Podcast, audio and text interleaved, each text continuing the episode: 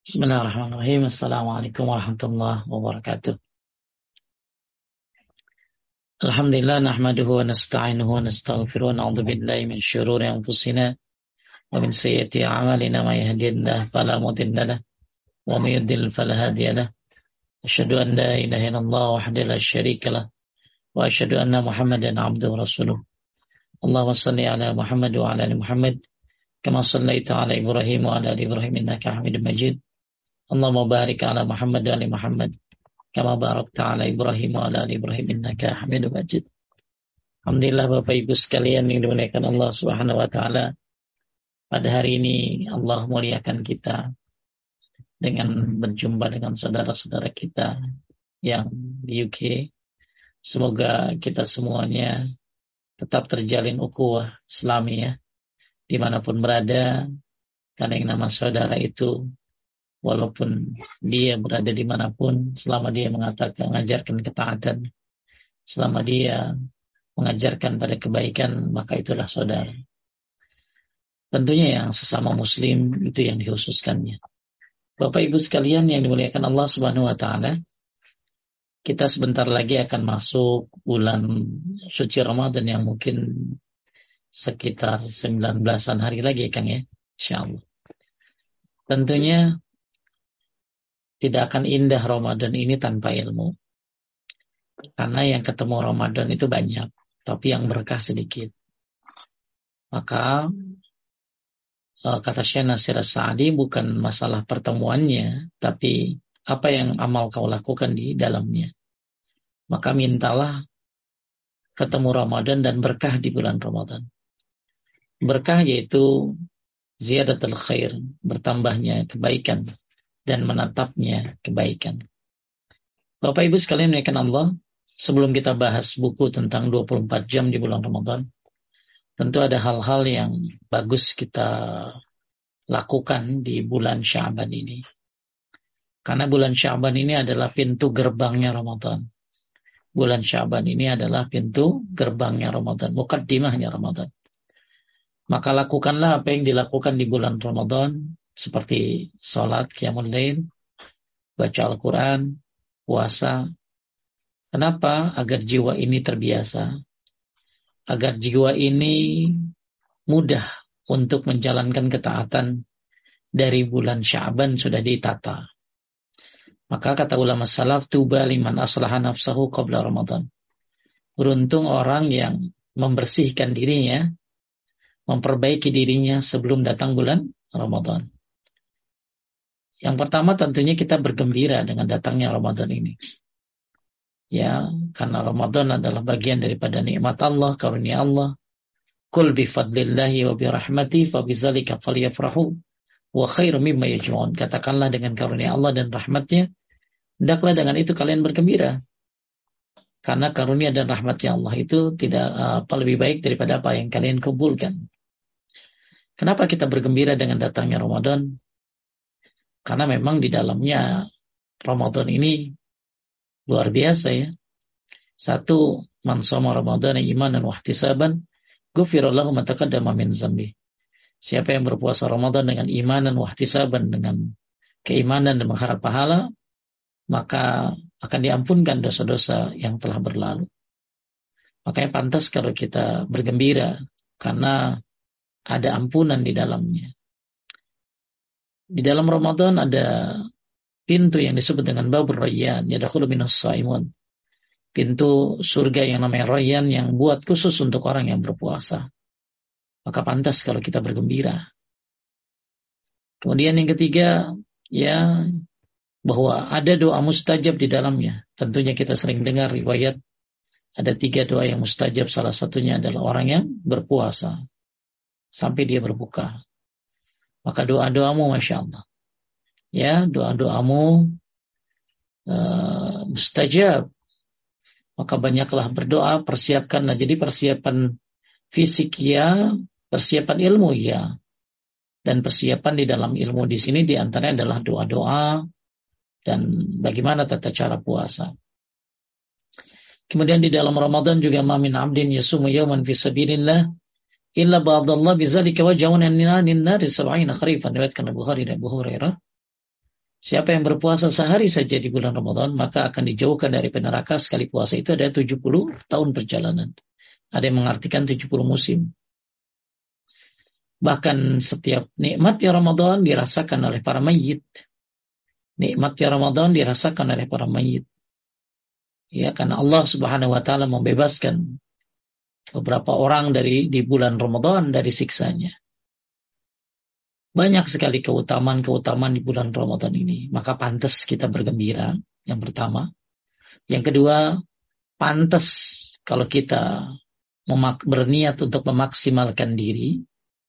Yang ketiga, membiasakan diri dari sekarang apa-apa yang bisa disyariatkan. Ya, di antaranya dengan menuntut ilmu dari sekarang. Ya, jangan sampai mendengar tentang keutamaan Ramadan ya di bulan Ramadan harusnya sebelum Ramadan. Kemudian juga kita sadari bahwa tentunya kita sudah lama tidak tarawih karena COVID. Sudah lama tidak buka bersama di masjid disebabkan pada Allah ada COVID. Maka tentunya nikmatnya Ramadan tahun ini harus lebih kita nikmati, habis kita dengan cara menikmatinya dengan dengan cara uh, menuntut ilmu, dengan cara memaksimalkan diri. Maka pada hari ini kita akan sebagai tanda syukur kita kepada Allah Subhanahu wa taala karena kita mau ketemu Ramadan maka kita memperdalam Ramadan ya kita membedah isinya uh, dari buku judulnya 24 jam di bulan Ramadan. Saya akan share screen pembahasannya.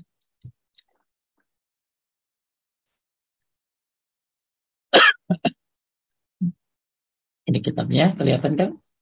Kelihatan, Baik. Ya. Ini penulisnya Muhammad Abdul Tuaisikal, ya, penerbitnya Rumaiso. Buku ini berisi tentang dari mulai bangun tidur sampai mau tidur. Sehari semalam.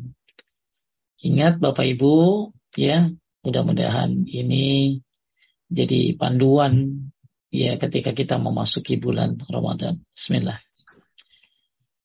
Baik, hmm, kita mulai dari bab yang pertama, aktivitas di waktu sahur.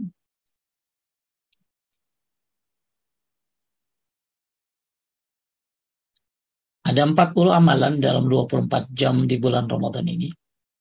Hmm aktivitas pada waktu sahur. Ya, insya Allah kita akan masuki waktu sahur. Apa yang kita lakukan? Yang pertama, bangun tidur untuk makan sahur dengan segera berzikir, berwudu, dan sholat dengan melakukan seperti ini akan lepas tiga ikatan setan ketika tidur. Ini sudah dilakukan di bulan Syaban ya kan ya. Ya, ya Rajab itu kata Abu Bakar al-Balakhi, Rajab itu kayak angin, Syaban itu kayak mendung, Ramadan adalah hujan. Rajab itu kayak orang nanam, Syaban itu nyiram, dan Ramadan panen. Maka apa yang bisa dipanen kalau nggak nanam, kalau nggak nyiram? Maka kita tanam kebaikan-kebaikan di bulan Ramadan, insya Allah, dari mulai Syaban, bahkan dari mulai Rajab, tentunya harus dengan ilmu. Nah, ketika nanti kita masuk ke Ramadan, maka berikut inilah aktivitas-aktivitas yang disampaikan oleh penulis berdasarkan sunnah Nabi Shallallahu Alaihi Wasallam. Di antaranya dimulai dari bangun tidur dulu buat sahur. Karena tentunya kita sudah paham bahwa setan ini membuat tiga ikatan ketika boleh kan setan membuat uh, setan membuat tiga ikatan di tengkuk leher bagian belakang salah seorang dari kalian ketika tidur. Di setiap ikatan setan akan mengatakan, malam masih panjang, tidurlah. Jika ia bangun lalu berzikir kepada Allah, lepaslah satu ikatan. Kemudian, jika dia berwudu, lepaslah lagi satu ikatan. Kemudian, jika dia mengerjakan sholat, lepaslah ikatan terakhir. Di pagi hari dia akan bersemangat dan bergembira. Jika tidak melakukan seperti ini, dia tidak ceria dan menjadi malas. Baik. Ya, tentunya uh, di bulan Syaban Ramadan ya tentunya setan diikat. Hadis sahih kita imani. Cuma ulama memang berbeda penafsiran tentang setan diikat ini. Ada yang menyebutkan yang diikat adalah uh, yang kecil-kecilnya aja kan. Ya, yang besar-besarnya enggak. Maksudnya yang kayak maksudnya yang diikat itu yang besar-besarnya aja. Jenderal-jenderalnya, tapi yang kopral-kopralnya enggak.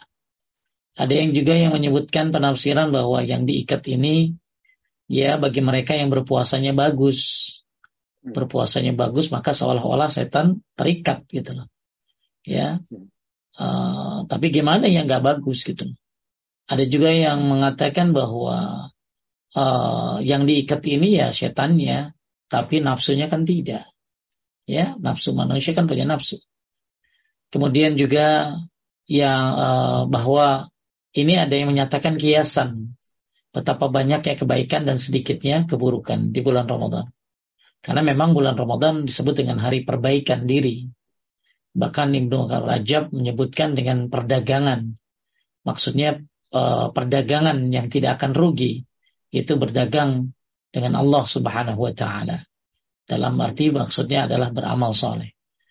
Nah tentunya kita terlepas dari masalah setan diikat dan lain-lain, tentunya banyak sekali kemalasan ketika kita bangun tidur.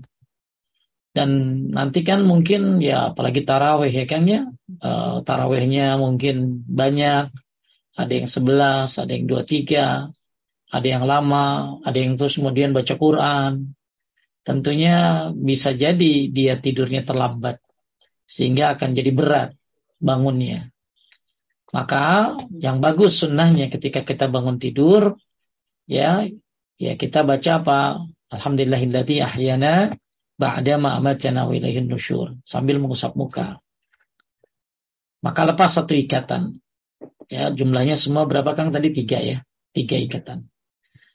Apalagi kalau ditambahin doa-doa yang lain kan alhamdulillahilladzi afani fi jasadi wa radda alayya ruhi wa azina li bizikri ya tambah lagi la ilaha illallah wahdahu syarika lahul mulku wa qadir Alhamdulillah, subhanallah, wa la ilallah, wallahu akbar, wa la hawla wa illa billah, Allah magfirli.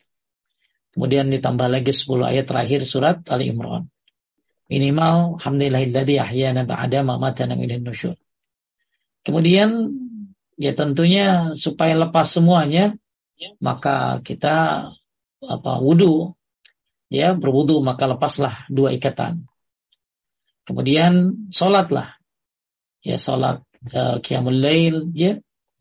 Uh, terlepas dari perselisihan tentang uh, apa apakah boleh Qiyamul Lail atau tidak uh, setelah tarawih ya. Tapi mengambil pendapat dari Ibnu Taimiyah ya, Syekh Fauzan bahwa itu uh, tidak apa-apa ya tak terbatas Qiyamul Lail itu nah maka ketika kita melakukan tiga aktivitas ini terakhir sholat maka insya Allah lepas semuanya maka insya Allah sahurnya semangat, ya, subuhnya pun semangat karena ikatannya sudah sudah lepas. Maka ini adalah adab yang pertama ketika kita nanti bangun sahur insya Allah. Kemudian yang kedua lanjutkan. Eh, yang kedua melakukan sholat tahajud walaupun hanya dua atau empat rakaat. Lalu menutup dengan sholat witir jika belum melakukan sholat witir ketika sholat taraweh. Jika sudah menutup witir pada sholat taraweh, maka tidak mengulangi witir karena tidak boleh ada dua witir dalam satu malam. Baik, ya. Uh, sekali lagi terlepas dari perbedaan pendapat ulama tentang yang sudah taraweh, apakah boleh tahajud? Tapi saya termasuk yang berpendapat boleh, ya, karena uh, qiyamul lail tak terbatas dan bukan di tempatnya kita melakukan perdebatan ini. Tapi intinya di sini penulis menyebutkan masih boleh menambah sholat malam setelah tarawih. Karena jumlah rakaat malam tidak ada batasannya. Adapun dalil yang menunjukkan bahwa sholat malam tidak dibatasi jumlah rakaatnya, itu ketika Nabi SAW ditanya mengenai sholat malam, beliau menjawab. Nah ini dalil kalau sholat malam itu tak terbatas. Sholatul lail masna masna. Faiza khasya ahadukumus subha Salah rakaatan wahidatan tutiru lahu maqad Artinya kan salat malam itu uh, salat malam itu dua rakaat salam, dua rakaat salam. Jika salah seorang di antara kalian takut masuk waktu subuh, maka kerjakanlah satu rakaat. Dengan itu berarti kalian menutup salat tadi dengan witir. Nah, di sini kan konteksnya kan Padahal ini dalam konteks pertanyaan, seandainya salat malam itu ada batasnya, tentu Nabi SAW akan menjelaskan. Ya. Jadi Nabi Shallallahu Alaihi Wasallam menyebutkan salat malam itu ya dua dua rakaat, dua rakaat. Ya berarti nggak menentukan, pokoknya dua rakaat, dua rakaat. Tapi kalau takut waktu subuh masuk, maka sholatlah satu witir maksudnya sebagai penutup. Jadi ini dijadikan dalil bahwa sholat malam itu tak ter tak terbatas, ya tak terbatas. Yang penting tidak ada dua witir dalam satu malam. Jadi yang udah witir biasa. Nah, cuman kalau witir taraweh kan, bagusnya ya bareng imam. Ya. Ya, uh, apa disebutkan dalam riwayat, ya man sallam al imam hatta yang sarif kutibalahu qiyamul lailihi. Siapa yang sholat bersama imam sampai selesai, maka dia mendapatkan pahala sholat semalaman penuh. Jadi kalau di masjid Anda taraweh, maka bagus ya taraweh selesaikan baru witir bareng imam. Kalau maka dapat pahala sholat semalaman penuh. Tapi kalau misalnya anda habis sholat witir eh, taraweh delapan lalu pulang, lalu witir di akhir malam ya nggak apa-apa. Cuma eh, tidak dapat pahala sholat semalaman penuh dalam hadis tadi. Maka saya sarankan ya langsung setelah sholat taraweh Kemudian nanti malam bangun tinggal qiyamul lail lagi, ya, dan tidak perlu ditutup dengan sholat witir lagi. Enggak boleh witir, la witrani fi lailah. Tidak boleh ada dua witir dalam satu malam. Ya, taib. Jadi lakukanlah uh, setelah bangun tidur, wudhu, ya, maka kalau yang mau sholat malam silakan sholat malam, ya. Kemudian nomor tiga, setelah sholat berdoa sesuai dengan hajat yang diinginkan. Karena sepertiga malam terakhir waktu sahur adalah waktu terkabulnya doa. Tentunya kalau sahur sekarang 4, 40 ya Kang ya, uh, subuhnya, ya berarti kita harus punya spare waktu untuk bisa sholat ini ya Kang ya. Ya tentunya kalau misalnya tinggal 10 menit lagi ya nggak usah tahajud kali ya. Ya, ya itu mau mendingan apa mendingan langsung sahur gitu ya. Berarti harus punya apa? Harus punya spare waktu. Mungkin bangunnya jam 3 atau setengah setengah 4 ya. Nanti ada waktu setengah jam lagi untuk sahur atau 20 menit lagi untuk sahur. Nah, karena waktu yang bagus di apalagi di bulan Ramadan tentunya ya, bagus di malam Ramadan itu banyak berdoa. Apalagi di sepertiga, sepertiga malam karena waktu terkabulnya doa dan Rabb kita tabaraka wa ta'ala turun ke langit dunia kata Nabi sallallahu alaihi wasallam ketika apa? Ketika hina yabqa sulusul lail, ketika tersisa sepertiga malam terakhir, ya. Lantas Allah berfirman, "Man yad'uni fastajib lahu." Siapa yang berdoa kepadaku maka aku akan kabulkan. Man yas'aluni fa'utiyahu. Siapa yang meminta kepadaku maka akan kuberi. Wa man yastaghfiruni faghfir lahu barang siapa yang minta ampun kepadaku maka aku akan ampuni. Maka bagus di waktu sahur itu setelah sholat tahajud, qiyamul lail banyakin berdoa.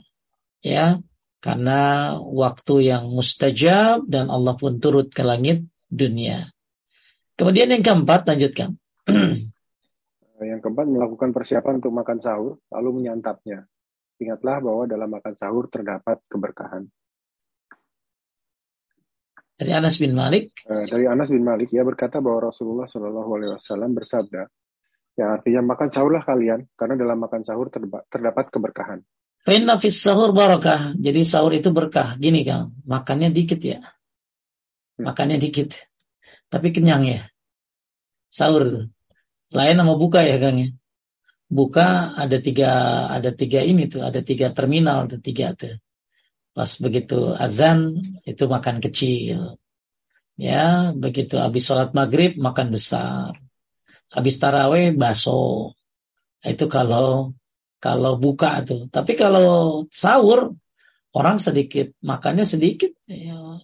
Makannya kadang ada ibu-ibu yang cuma minum doang, nggak apa-apa. Yang penting jangan sampai nggak sahur. Karena sahur itu sangat ditekankan. Bahkan pembeda antara Yahudi dan Yahudi dan Nasrani dan Islam. Orang dulu itu kan sahur ya sekalian buka. Kalau kita ya ada buka ada sahur. Bahkan innallaha wa malaikatahu yusalluna 'alal mutasahhirin. Allah dan malaikatnya itu bersalawat kepada orang yang makan sahur ya. Hmm. Jadi kalau Allah bersalawat berarti rahmatuhu wa tad'ai fajrahu. Rahmatnya dan pahala yang berlimpah. Tapi kalau malaikat yang ber, berdoa berarti memintakan ampun buat kita. Jadi kita makan sahur itu lagi didoain malaikat. Ya Allah ampuni fulan. Ya Allah ampuni fulan. Ya Allah ampuni fulan. Jadi sahur ini barokah, sahur ini pembeda, sahur ini juga didoa, disolawatin oleh Allah dan malaikatnya. Kemudian sahur ini juga penunjang ibadah. Ya, sahur ini penunjang ibadah. Ya insya Allah kalau kita makan sahur, maka akan lebih kuat ya dalam menjalani puasa. Ya, jadi jangan sampai meninggalkan sahur. Kenapa? Karena berkah, ya berkah. Nah mungkin ada yang terlupa di sini Kang. Ya mungkin ditambahin aja kali ya. Ya kan. Mungkin uh, mungkin bisa kita lakukan sedekah sahur kan. Sedekah sahur. Cuma biasa sedekah sahur itu kalau waktunya 10 hari terakhir Ramadan buat yang itikaf ya Kang ya.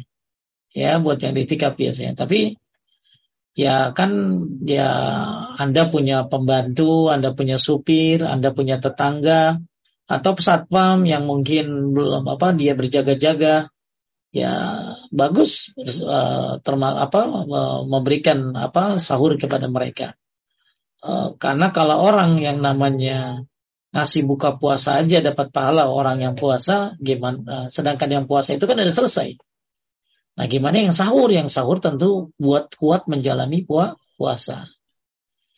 Taib ini yang keempat yang kita lakukan ya sahur itu barokah ya sangat ditekankan bahkan sahur ini diselawatin oleh Allah dan para malaikatnya. Kemudian sambil menunggu azan subuh memperbanyak istighfar dan menyempatkan membaca Al-Qur'an. Allah Subhanahu wa taala berfirman wasul mustaghfirin bil ashar dan orang-orang yang minta ampun di waktu sahur. Maka bagus di waktu sahur itu banyak beristighfar. Ya, banyak beristighfar. Uh, wabil ashari hum istaghfirun dalam ayat yang lain dan di waktu sahur mereka beristighfar. Ya, nah ini tentunya Kang ada cobaan-cobaan lagi sahur. Apa cobaan lagi sahur Kang? Sekarang ini ya TV. Oh iya. Ya, banyak lawakan-lawakan banyak kuis-kuis sehingga orang sahur itu sambil ketawa ya sahur sambil ngelihat aurat ya jadi dia lupa bahwa malaikat sedang memintakan ampun buat dia Allah sedang memberikan rahmatnya dia lupa sahur itu berkah maka ya musuh terbesar mungkin ya di saat-saat ini ya medsos dan televisi ya mungkin kita harus bijak Ya, apalagi di waktu sahur ini waktu yang yang sakral penting nih. Kenapa? Karena Allah nyuruh meminta ampun di waktu sahur. Ya, banyakin istighfar di waktu sahur kalau ya sambil nunggu subuh lah, ya sambil nunggu subuh. Nah, kemudian ada anjuran juga baca Al-Quran. Kenapa? Nah, di sini ada riwayat yang dari Anas. Lanjut. Uh, dari Anas bin Malik, uh, bahwasanya Nabi Shallallahu Alaihi Wasallam dan Zaid bin Sabit pernah makan sahur. Ketika keduanya selesai dari makan sahur, Nabi Shallallahu Alaihi Wasallam berdiri untuk sholat. Lalu beliau mengerjakan sholat. Kami bertanya pada Anas tentang berapa lama antara selesainya makan sahur mereka berdua dan waktu melaksanakan sholat subuh. Anas menjawab, yaitu sekitar seseorang membaca 50 ayat Al-Quran. Ya, penulis menjadikan uh, ini dalil bahwa jarak antara sahurnya Nabi dengan sholat subuh itu adalah sekitar membaca 50 ayat Quran. Ya, nah, ini dijadikan dalil oleh penulis untuk apa? Untuk menyempatkan baca Al-Quran. Ya, ini uh, poin yang kelima, menunggu azan subuh, memperbanyak istighfar dan menyempatkan membaca Al-Quran. Karena memang kan ada keutamaan baca Quran malam sebenarnya dalam sebuah riwayatnya. As-siyam wal Quran yashfa'ani lil 'abdi yawmal qiyamah Yaqulu siyam ay rabbi manatu ta'amu syahwa fi wa Quran. Jadi nanti puasa dan Al-Quran akan datang uh, memberikan syafaat. Maka Al-Quran berkata, ya puasa berkata, "Mana'tun wa na'tu ta'amu syahwa." Aku melarangnya daripada makan dan syahwat. Fasyafi'ani fi. Izinkan aku memberi syafaat kepada kata puasa. Kemudian Al-Quran mengatakan, Mana naum bil lail. Aku melarangnya tidur pada malam hari. Ya, maksudnya baca Quran gitu kan. Maka ya memang baca Quran ya bagus kapan saja ya. E, bagus bahkan kapan saja ya terlebih-lebih di waktu malam. Malah Imam Bukhari itu dia setiap uh, setiap malam uh, membaca Quran sambil sholat qiyamul lail itu sepertiga Al-Quran kan. Nah berarti tiga malam itu selesai satu Quran dalam sholat ya kan, dalam sholat. Jadi sepertiga, besoknya sepertiga, besok sepertiga. Jadi hatam, hatam Quran dalam sholat di di malam hari. Ya waktu malam ini adalah waktu yang bagus sekali, apalagi waktu sepertiga malam, apalagi waktu sahur. Perintah dibanyakin istighfar, ya istighfar ya, ya macam-macam ya kan ya banyak kalimat-kalimat istighfar itu.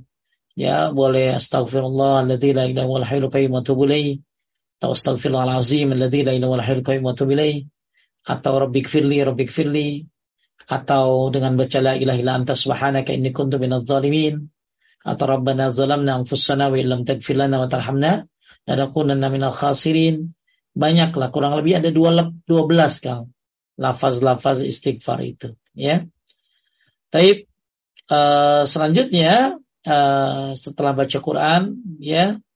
Kemudian nomor enam lanjutkan waktu makan sahur berakhir ketika azan subuh berkumandang atau masuknya fajar subuh Dalilnya disebutkan bahwa aktivitas makan dan minum berhenti ketika terbit fajar subuh, ditandai dengan azan subuh yang tepat waktu, sebagaimana dalam ayat yang artinya, dan makan minumlah hingga terang bagimu benang putih dari benang hitam, yaitu fajar. Kemudian sempurnakanlah puasa itu sampai datang malam. Baik, jadi waktu sahur itu uh, imsak itu ya azan, bukan 10 menit sebelum azan. Ya nanti akan beredar deh tukang yang jualan obat, yang jualan produk, ngasih brosur jadwal imsakiyah.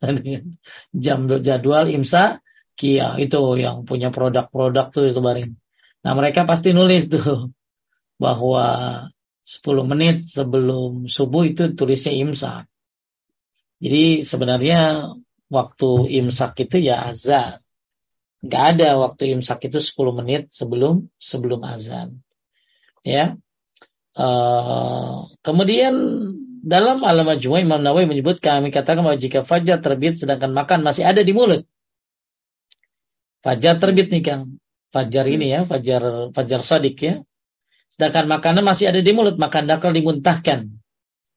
Dan ia boleh teruskan puasanya. Jika ia tetap menelannya padahal ia yakin telah masuk fajar, maka batalah puasanya. Hmm. Permasalahan ini sama sekali tidak persiapan pendapat di antara para ulama dan dalam saya adalah hadis Ibnu Umar dan Aisyah bahwasanya Rasulullah SAW bersabda, Inna bilalan yu'azinu bilailin fakul washrabu hatta yu'azinu ibnu ummi maktum Sungguh Bilal mengumandangkan azan di malam hari, tetaplah kalian makan dan minum sampai Ibnu Umi Maktum mengumandangkan azan. Ya, jadi ya kalau pas azan makanan ada di mulut ya dimuntahkan. Tapi memang ada riwayat. Ya, selesaikan yang ada di tangan. Ya, mungkin pernah dengar Bapak Ibu. Uh, ulama seperti uh, yang saya baca dari dari soal wal jawab saya Salih al Munajid kalau memang itu belum ini Kang, belum yakin itu masuk apa masuk apa masuk subuh ya belum yakin dia terusin karena dia nggak yakin kan ya tapi kalau memang sudah yakin ya jangan dimakan jangan terusin ya dimuntahin gitu loh. Nah, ini uh, menurut Imam Imam Nawawi yang diambil oleh penulis uh, kalau misalnya makanan ada di mulut ya maka hendaklah dimuntahkan. Ya dan teruskan ya boleh teruskan puasanya. Tapi tadi ada pendapat ya dalam riwayat yang lain bahwa uh, dibolehkan yang apa yang ada di apa yang ada di yang ada di tangannya ya akan tetapi ada jawaban dari ulama bahwa itu kalau memang dia yakin belum belum belum masuk waktu subuh Ya, tapi kalau sudah yakin ya nggak boleh. Hmm? Ya, wallahu a'lam. Kemudian nomor tujuh lanjutkan. Nomor tujuh, bagi yang berada dalam keadaan junub, maka segera mandi wajib. Masih dibolehkan masuk waktu subuh dalam keadaan junub dan tetap berpuasa. Termasuk juga masih boleh masuk waktu subuh dalam keadaan belum mandi suci dari haid. Baik, ya. Uh, ketika kita di sini baca satu hadis dulu, ada Aisyah radhiyallahu berkata, Rasulullah sallallahu alaihi wasallam pernah menjumpai waktu fajar di bulan Ramadan dalam keadaan junub. Bukan karena mimpi basah, kemudian beliau SAW mandi dan tetap berpuasa. Ya, jadi kalau misalnya ada orang yang selesai haid Kang, selesai haidnya waktu sahur dan dia belum mandi. Ya, dia belum mandi, maka ya makan aja dulu. Ya, apalagi takutnya nanti imsak dia mandi malah imsak malah azan ya dan lebih baik dia dia makan dulu. Cuman bagus kan kalau orang dalam keadaan junub atau suami istri yang habis hubungan badan malam lalu belum mandi junub ya ya tentunya ya kalau misalnya waktunya panjang ya mandi junub dulu kalau dia bangun jam 3 gitu ya. Tapi kalau waktunya mepet ya waktunya mepet ya mendingan ya jangan sampai ma makan dulu ma sahur mami mandi junub dulu ya. Eh, tinggal 10 menit lagi ya habis satu. Jadi ke, bagusnya kalau orang yang apa yang junub itu wudhu dulu kan, baru makan. Ya sunnahnya tuh orang oh. kalau dalam keadaan junub mau makan minum maka wudhu dulu. Ya. Dulu baru makan minum. Karena dia belum mandi kan. Ya dia belum hmm. mandi maka sunnahnya wudhu dulu baru makan minum. Ya sunnahnya.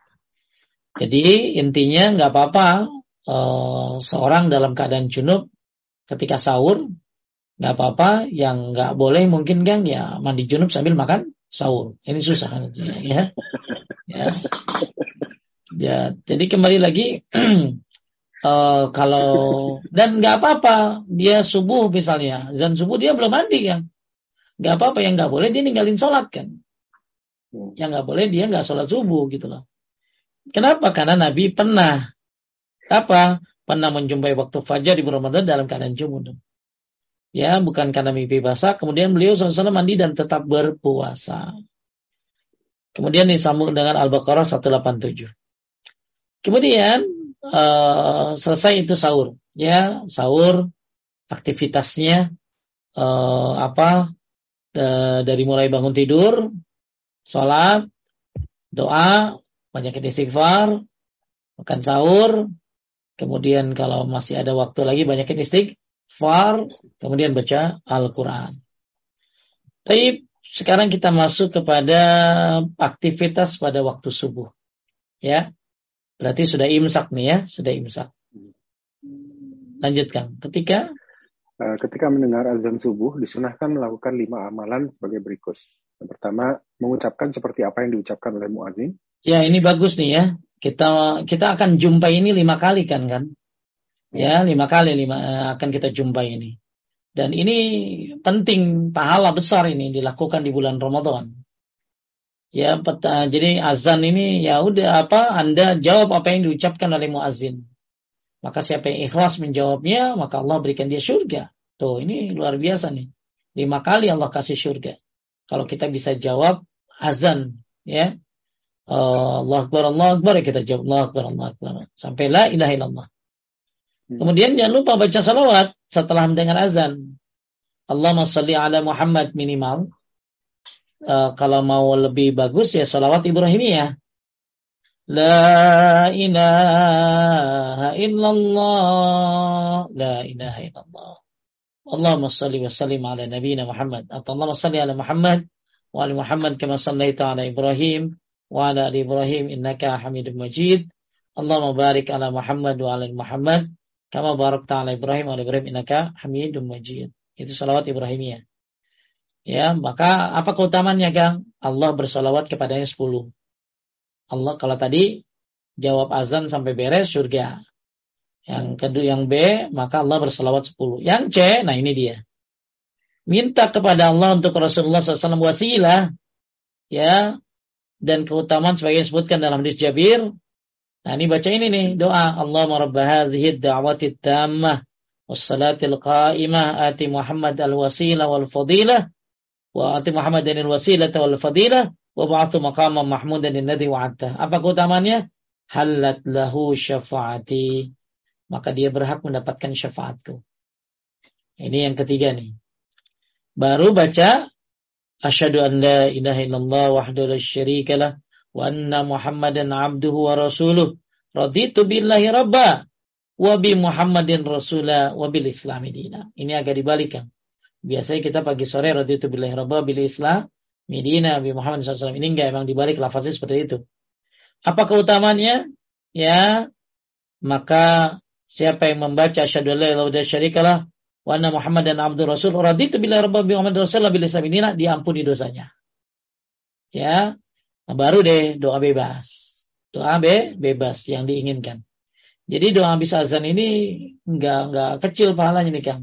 Satu hmm. surga, yang B dapat salawat 10 dari Allah, kemudian ini dapat syafaat Nabi, kemudian ini dapat ampunan dosa. Baru deh doa bebas. Maka ini dilakukan sambil apa? Uh, apa di waktu subuh ya ketika dengar azan. Ya. Kemudian nah ini amalan ini dalil-dalilnya kan. Ya, dalil-dalilnya yang tadi sudah saya sudah saya simpelkan gitu ya. Nah, ini uh, yang dapat syafaat nih, maka dia akan mendapatkan syafaatku kelak. Kelihatan ya Kang ya yang saya kursorin? Ya. Ya. Oke itu ini. Kemudian yang ini Kang yang tadi asyhadu an la ilaha illallah wa anna muhammadan abduhu wa rasuluhu itu binar rabbi bi maka dosanya diampuni. Hmm. Wah, lima kali sehari Kang. Hmm. Ya, lima hari sekali kita dapatnya ya. Ya, cuman nggak tahu kalau di UK kedengaran nggak azan ya. Kalau di rumah nggak kedengaran. Ah, jadi harus yang ke masjid atau boleh jawab yang live kan. Kalau yang pakai radio tapi live. Ya. Kalau yang dari Mekah itu oh enggak, tapi bukan waktunya ya. Eh bukan waktunya. ya. Jadi ya. Jadi kalau misalnya yang di luar negeri pengen mendapatkan azan ini ya mungkin harus datang ke masjid ya. Harus datang ke masjid karena mungkin di sana tidak boleh keluar suaranya. Ya jangankan di sana kan di Indonesia aja masih ada. Ya saya pernah ke sebuah daerah ya di daerah ya sini sih ya inilah. Jadi ada katanya di masjid ini nggak boleh keluar suara azannya karena emang banyak orang non muslim orang Chinese ya. Oh, jadi okay. jadi nggak boleh keluar katanya azannya. Tapi ya alhamdulillah masjidnya rame ya karena orang udah punya jam semuanya kan gitu lah. Ya udah pada yeah. tahu waktunya jadi ini mungkin uh, bagi yang tinggal di Indonesia ya nikmatnya itu bisa dengar azan begini ya. Lima kali dia dapatkan ini Masya Allah. Apalagi di bulan Ramadan. Ya Masya Allah nih. Kalau lima kali sebulan ya udah 150 kali kan. Kali setahun 15 ribu. Ya kalau dikasih hidup lima tahun lagi Masya Allah. Banyak banget karunia Allah dan rahmatnya yang kita miliki. Apalagi di bulan Ramadan. Ya. Kemudian uh, ini doa ya. Nah ini kata Ibnu Qayyim kan. Inilah lanjutkan. Inilah lima. Uh, inilah lima amalan yang bisa diamalkan sehari semalam. Ingatlah yang bisa terus menjaganya hanya asyabikun, yaitu yang semangat dalam kebaikan. Baik, ya. Yang bisa menjaganya hanya orang-orang yang memang semangat, ya. Hmm. Semangat dalam kebaikan. Kemudian yang ke sembilan melaksana. Tapi kan kalau ada yang mau lebih boleh. Apa yang lebih kan? Apa yang lebih? Dia azan. Oh. Dia azan. Karena orang yang azan itu kan masya Allah ya. Ya azan itu diampuni dosanya sejauh suaranya.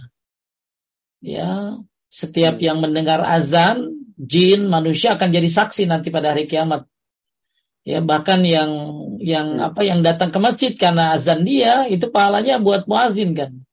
Tanpa hmm. mengurangi jatah masing-masing. Bahkan Nabi bilang Allah magfirlil muazin wahdi lil a'immah. Ampuni muazin dan pertunjuk beri petunjuk kepada imam. Maka ada yang bilang ya muazin ini lebih baik gitu ya. Uh, satu sisi ada yang menyebutkan imam lebih baik. Hmm. jadi keutamaan muazin tuh ya ajib ya luar biasa muazin tuh kalau ada yang bisa ya silakan. Tapi kalau nggak bisa jadi muazin karena muazin ini biasanya kan sudah ditentukan ya kan ya di masjid-masjid itu. Maka ya Anda jadi ini yang Anda lakukan. Menjawab lima azan ini. Ya lima amalan setelah azan. Karena Anda nggak bisa azan. Ya. Taib. Nomor sembilan lanjutkan. Eh, melaksanakan sholat sunnah fajar atau qobliyah subuh sebanyak dua rakaat. Nabi Shallallahu Alaihi Wasallam benar-benar perhatian pada sholat sunnah fajar. Dari Aisyah radhiyallahu anha menyatakan, yang artinya tidak ada sholat yang Nabi Shallallahu Alaihi Wasallam sangat perhatian padanya selain dua rakaat qobliyah subuh. Baik, jadi Nabi memang nggak pernah ninggalin qobliyah subuh dan sholat witir ya dalam riwayat yang lain. Maka masya Allah uh, kalau bisa sebentar.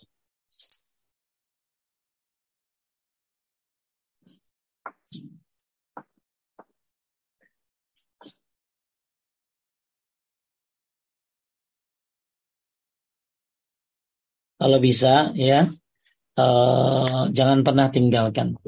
Ya syukur-syukur kita bisa melakukan komplit semuanya ya Kang ya. Uh, karena gini ya, uh, kan kalau kalau sholat sunnah qobliyah ba'diyah total-total kan yang dari Ibnu Umar 10. Kalau yang dari Ummu Habibah dan Aisyah itu 12.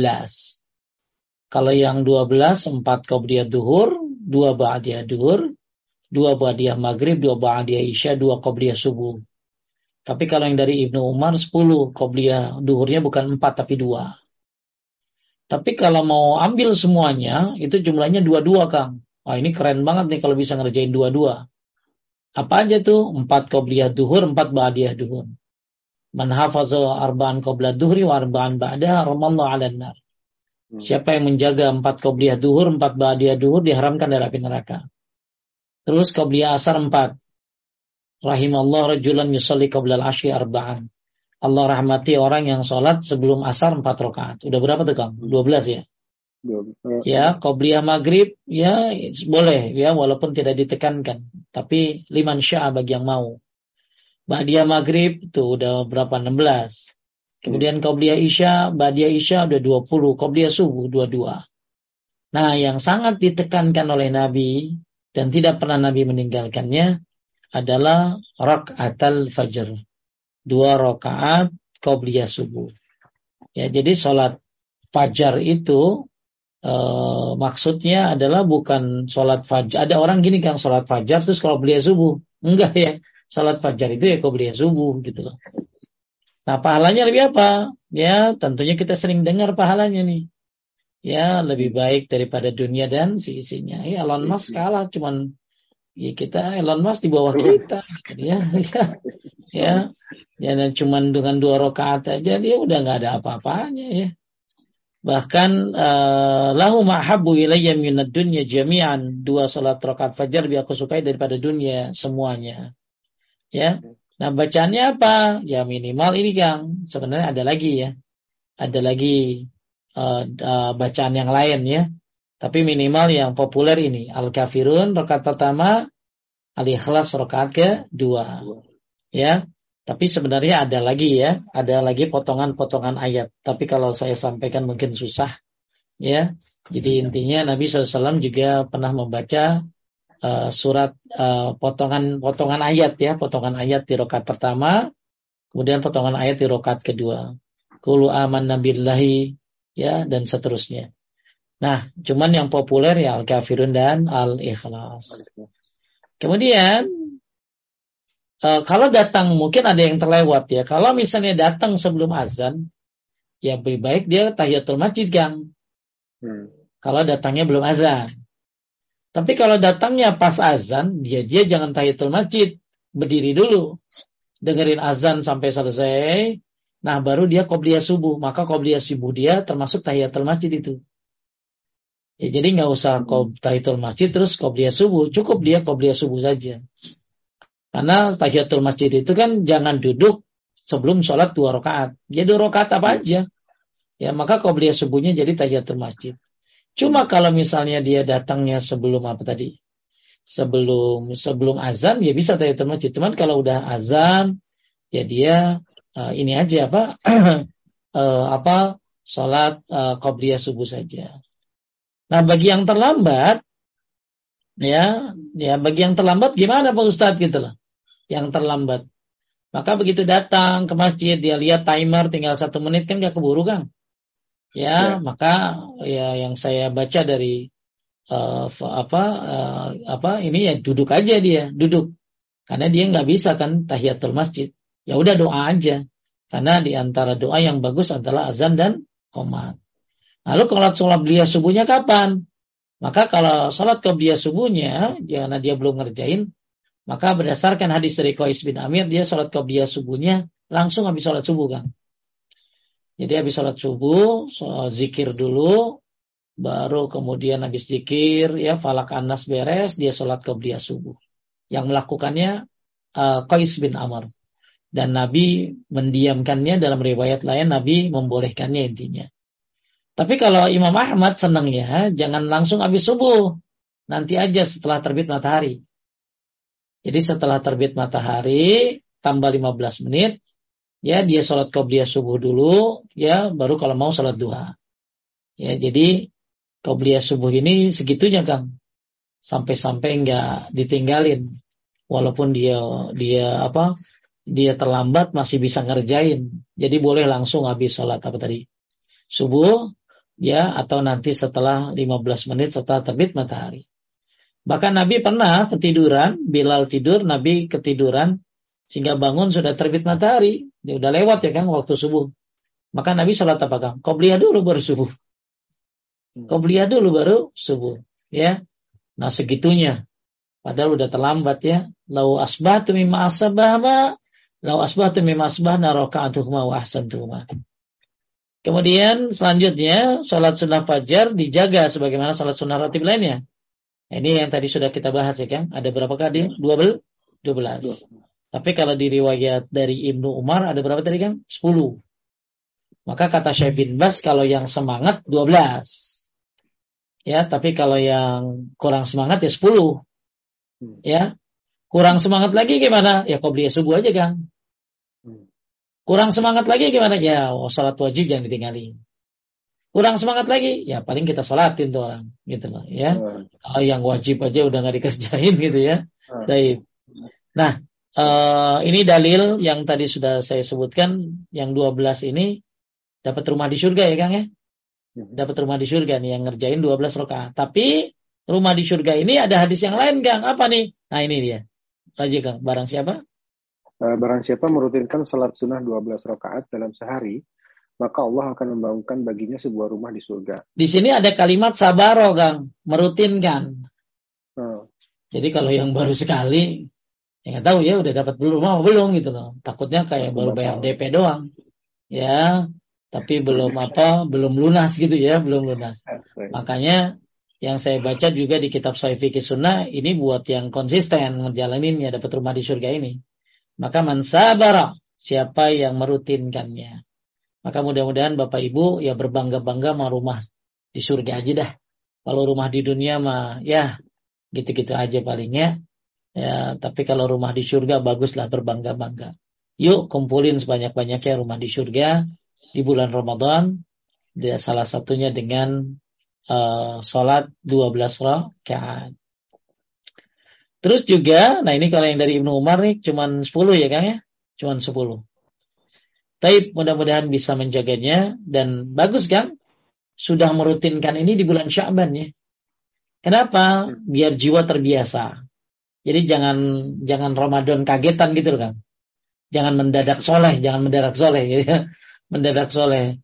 Biasanya takutnya nggak biasa. Jadi kalau uh, dimulailah kesolehan ini di bulan Rajab, Syaban, ya. Bahkan apa yang dilakukan di bulan Ramadan, kecuali taraweh, lakukan di bulan Syaban. Nah, termasuk ya sholat sunnah ini sudah dimulai nih, ya. Sudah dimulai di bulan Syaban sekarang ini. Apalagi nanti di bulan Ramadan. Kemudian, selanjutnya, lanjutkan. Eh, melaksanakan sholat subuh berjamaah di masjid bagi laki-laki dan berusaha mendapatkan takbir pertama bersama imam di masjid. Sedangkan sholat terbaik bagi wanita adalah di rumah, bahkan di dalam kamarnya.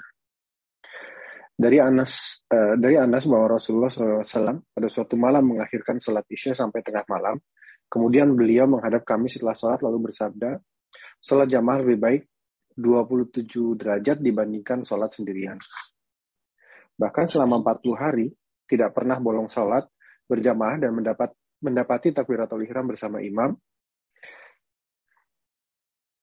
maka, uh, mereka akan... maka akan mendapatkan dua keutamaan. Yang pertama selamat dari siksa neraka dan yang kedua selamat dari kemunafikan. Tuh. Jadi dijaga sholat berjamaahnya khususnya buat laki-laki selama bulan Ramadan ya. Dijaga tuh. Uh, bahkan ya lebih giat lagi di bulan Ramadan ini. Kenapa? Apalagi kalau bisa, karena tentunya sholat jamaah ini terlalu banyak keutamaannya. Ya kalau di sini kan bukan pembahasannya, ini kan bahasan global semua.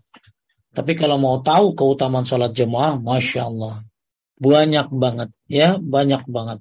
Di antaranya apa tadi? E, pahalanya 27 derajat. Bahkan pahalanya dalam riwayat lain apakah kayak pahalanya kayak kayak haji. Ya, bahkan sholat sunnahnya kayak kayak umrah. Ya, pahalanya kayak haji, sholat wajibnya dan sholat sunnahnya kayak kayak umrah. Itu terlalu banyak lah ya langkahnya ke masjid, pahalanya, satu langkah ngapusin dosa, satu langkah naik derajat dan lain-lain. Intinya terlalu banyak keutamaan sholat jemaah.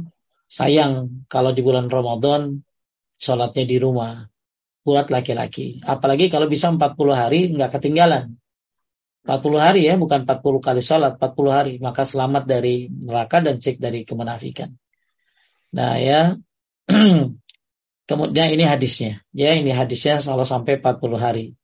Kemudian uh, bahkan Nabi Shallallahu Alaihi Wasallam ya tidak apa sih tidak memberikan rukhsah kepada orang buta ya Kang ya ya kan ada orang buta yang minta sholat oh. di mana ya minta di rumah ya Kenapa? Ya, orang buta ini kan punya banyak alasan. Satu buta, dua nggak ada penuntun, tiga banyak binatang buas. Ya, di dalam kitab apa Salatul Mu'amin disebutkan. Kenapa orang buta yang nggak punya penuntun?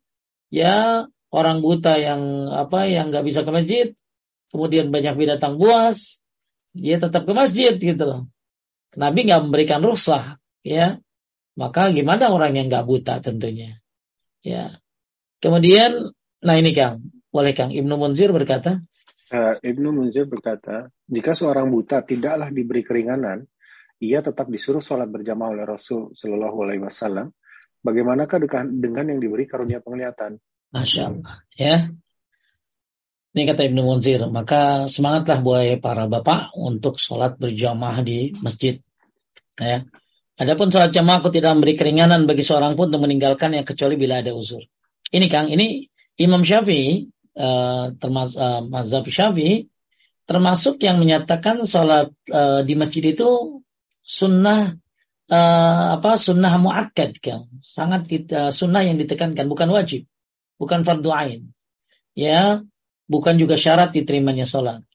Tapi Imam Syafi'i dia berfatwa demikian tapi dia nyuruh ke masjid gitu loh. Jadi secara hukum anggaplah eh, pendapat mereka yang benar yaitu sunnah muakkad sangat ditekankan. Tapi Imam Syafi'i insya Allah nggak pernah ninggalin sholat jamaah gitu loh ya. Jadi hmm. jangan sampai ini salah tanggap. Oh, Imam Syafi'i berpendapat demikian. Padahal Imam Syafi'i bilang apa? Adapun sholat jamaah aku tidak memberi keringanan bagi seorang pun untuk meninggalkan yang kecuali bila ada uzur. Ya berdasarkan hadis Nabi ya. Man samian nida fala yatiya fala salata illa min uzrin. Kemudian ada pun wanita tidak wajib berjalan di masjid, bahkan lebih afdal salat di rumah dan falanya bisa mengalahkan salat di masjid. Walau salat di rumahnya hanya sendirian. Kenapa? Rasulullah SAW bersabda, khairu masajidin nisa qa'ru buyuthinna. Sebaik-baik masjid bagi para wanita adalah di bagian dalam rumah mereka. Jadi perempuan supaya dapat dia tetap dapat pahala ya kayak orang ke masjid karena memang Nabi nyuruhnya lebih baik di masjid. Tapi kalau perempuan sholat taraweh gimana Pak Ustadz? Memang uh, ada yang membolehkan. Oh, bukan berarti perempuan nggak boleh ke masjid ya sebenarnya la tamna'ima Allah masajid Allah. Jangan apa jangan apa jangan larang wanita yang pengen meramaikan rumah Allah. Cuman memang ada syaratnya. Jadi kalau bapak ibu ya ibu-ibu yang pengen taraweh nanti di masjid, apalagi kalau taraweh di rumah kan bacanya cepat kali ya Kang ya. Karena dia kan nggak hafal gitu ya.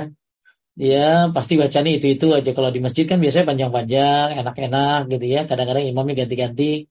dia kurang enjoy sholat di masjid tarawih di rumah, kemudian mungkin dia di masjid ada tausiahnya, bisa nambah ilmu, ketemu dengan kaum muslimin, ya silakan saja ke masjid. Tapi ada syaratnya tentunya, tidak pakai parfum, tidak berdandan, ya, jangan kayak orang jatuh dari motor, ya. Jadi jangan dandan, jangan pakai parfum, kemudian izin suaminya. Dan kalau bisa cari masjid yang lebar, yang luas, yang terpisah antara laki-laki dan perempuan. Ya, tapi uh, insya Allah uh, ini dalil, ya ini dalil, dalil tentang bahwa perempuan lebih baik sholat di mana? Di rumahnya. Ya. Nah, selanjutnya setelah melaksanakan sholat sunnah fajar menyibukkan diri dan berdoa dan baca Quran. Ya, Inna doa itu bainal azan wal iqamah fad'u. Nah, tadi ini sekalian udah dibahas. Jadi antara azan dan qomat ya bagus banyak berdoa. Kemudian uh, salat subuh ber, setelah salat subuh selesai dah ya, salat subuh berjamaah. Salat subuh berjamaah apalagi hari Jumat ya kan ya. Salat terbaik ya uh, uh, apa salat terbaik uh, subuh adalah di hari Jum di hari Jumat ya maka apalagi itu hari Jumat subuhnya itu lebih diutamakan. Nah intinya setiap subuh bagus untuk sholat ke masjid ya. Dan insya Allah kan masjid-masjid ramai kan 10 pertama mah ya. Biasanya kan kalau ke masjid itu member orangnya itu itu aja biasanya. Ya. Nah nanti insya Allah ada member-member baru ya, ada member-member baru. Bahkan gak sedikit masjid yang masang tenda karena saking banyaknya yang sholat subuh di masjid sampai biasanya ya sholat, sholat subuh biasanya cuma 7, 8, itu tentu sampai belakang penuh. Ya, Masya Allah. Ya, diharapkan sih terus gitu ya. Ya, tapi tadi ya kagetan. Cuman pas 10 kedua, ya, 11 sampai 20 ya emang ada kemajuan ya. Softnya pada maju gitu loh. Terus kemudian pas 10 hari terakhir ya pada kabur pulang kampung pada ya pada di jalan semuanya ya. Tapi mudah-mudahan bapak-bapak sebelum Ramadan udah jadi member masjid terdekat ya. Sudah nah. jadi member masjid terdekat. Kemudian uh, setelah subuh lanjutkan. Uh, setelah salat subuh berdiam di masjid untuk berzikir seperti membaca zikir pagi petang, membaca Al-Quran dengan tujuan menghatamkannya dalam sebulan, atau mendengarkan majelis ilmu hingga matahari meninggi, kira-kira 15 menit setelah matahari terbit. Ketika matahari meninggi tadi, lalu melaksanakan sholat isyrok sebanyak dua rakaat yang dijanjikan pahalanya haji dan umrah yang sempurna. Masya Allah, ya jadi uh, apa bisa bisa jikir pagi sore, habis subuh silakan ya. Uh, banyaklah keutamaan jikir pagi sore itu bahkan kalau kayak ini kang orang kalau apa kalau nggak bisa semuanya ya baca setengahnya. Kalau bisa setengahnya ya sedikitnya. Tapi ya sayang ya baca semuanya. Terus kalau misalnya bisa sempat juga ya, ini dilakukan di masjid buat laki-laki ya. E, apa sih jangan apa jangan jangan jangan apa jangan keluar dulu sampai syuruk tambah 15 menit. Maka pahalanya kayak haji dan umrah teman hajatu umratu. Nah, kalau perempuan gimana Pak Ustadz? Maka kalau tasyahib, ada fatwa dari Syekh bin Bas, maka perempuan dapat apa Kang kalau dilakukan di rumah ya. Ya, kalau dilakukan di rumah dia dapat sama seperti laki-laki. Karena kan perempuan sholatnya di rumah. Maka zikir pagi sorenya sholat syuruknya ya di rumah. Ya, jadi sholat syuruk 15 menit setelah syuruk baru sholat duha dua rakaat atau syuruk dua rakaat ya sama aja ya. Duha syuruk itu duha di awal ya, duha di awal waktu. Terus kalau di antara salah-salah antara subuh dan syuruk ya bisa zikir pagi sore ya. Kemudian uh, apa? Uh, baca ya Sayyidul Istighfar ya. Pokoknya banyakin dah ibadah di antara uh, apa di nah ini ada ada hadis sih Kang. Oleh Kang barang siapa? Barang siapa yang melaksanakan sholat subuh secara berjamaah, lalu ia duduk sambil berzikir kepada Allah, hingga matahari terbit, kemudian ia melaksanakan sholat dua rakaat, maka ia seperti memperoleh pahala haji dan umroh. Beliau pun bersabda, pahala yang sempurna, sempurna dan sempurna. Oh, sempurna, sempurna, sempurna. Ya, hmm. ini dari buku kitabnya Syekh Muhammad Bazmul, dia bikin buku tentang salat tatawu. Ya, menurut beliau hadisnya Hasan. Jadi buat ibu-ibu ya di rumah tentunya, ya di rumah tentunya. Buat bapak-bapak di masjid. Terus kemudian selesai aktivitas sampai subuh, sampai syuruk, kita masuk kepada aktivitas pada waktu pagi. Tentunya dari mulai terbit apa fajar sampai apa sampai maghrib maka hindarilah pembatal-pembatal puasa. Rukun puasa itu ada dua, satu niat. Bedain ya kan antara puasa wajib sama puasa sunnah. Kalau puasa wajib dia harus niat ya, habis isya, habis taraweh, sebelum uh, sebelum subuh dia niat. Dia boleh niat sebulan ya, uh, atau setiap malam dia ulangi lagi. Ya, eh, niat letaknya di hati tentunya. Jadi dia boleh niat sebulan ya untuk sebulan Ramadan Uh, tapi yang bagus setiap malam dia ulangi lagi diikrarkan. Ya. Maksudnya diikrarkan di sini di hati ya. Tapi kalau kata Abu Malik Kamal Said Salim dalam kitab bagi sunnah, ya dia bangun sahur itu udah niat kan. dia bangun yeah. sahur ya dia niat kan. Dia, dia ngapain sahur ya? Pasti mau puasa kan. Ya. Tapi kalau puasa sunnah dia nggak nggak usah niat malam, dia dadakan jam 9 niat boleh. Yang penting dia belum makan. Kemudian menahan diri dari pembatal-pembatal puasa dari mulai terbit fajar sampai tenggelam matahari. Pembatal puasa ada enam, lanjutkan. Eh, pembatal puasa ada enam. Eh, yang pertama makan dan minum atau memasukkan sesuatu yang berpengaruh pada lambung dan sifatnya mengenyangkan. Kedua, muntah dengan sengaja, hubungan intim dengan sengaja, mengeluarkan mani dengan sengaja, datang bulan atau haid dan nifas, gila dan murtad. Nah, datang head ini yang marah-marah tuh biasanya pas ini kayak pas mau buka setengah jam setengah jam sebelum buka atau head. Nah, ini biasanya suka marah-marah ya. Hmm. Tapi inilah pembatal-pembatal puasa. Nah, ini harus diketahui sebelum Ramadan. Kemudian saat puasa tinggalkan juga hal-hal yang diharamkan seperti dusta, ya. gibah, namimah, memandang wanita yang tidak halal dan mendengarkan musik. Ya kan ini kan lagi banyak mau kampanye ya mau pemilihan presiden nih Gang. Ya hati-hati nih ya banyak namimah nih ya. Banyak namimah, banyak adu domba nih. Atau membicarakan kejelekan-kejelekan ya hati-hati. Karena gini Gang. Asyamu junnah. Puasa itu perisai. Yastajinul abdu minan nar yang memperisai seseorang hamba dari api neraka. Dalam riwayat yang lain ternyata perisai ini bisa retak Kang, bisa bolong. Apa yang membuat perisai orang berpuasa ini retak? Gibah. Ya, gibah yang hmm. membuat membuat apa? Retaknya tameng puasa. Maka hati-hati ya udah dari bulan Syaban sekarang Kang tinggal gibah udah dihilangin dah. Hmm. Ya. Uh, bahkan ada ibu-ibu ngotot Kan kan benar Pak Ustadz dia orangnya begitu. Ya itu namanya gibah gitu ya. Kalau nggak benar namanya fitnah gitu loh. Nah, makanya dalam sebuah hadis dari Abu Hurairah Rasulullah Sallallahu Alaihi Wasallam bersabda, "Man lam yada qawl zur wal amal bihi falaysa lillahi hajah fi an yada'a ta'amahu wa syarabah."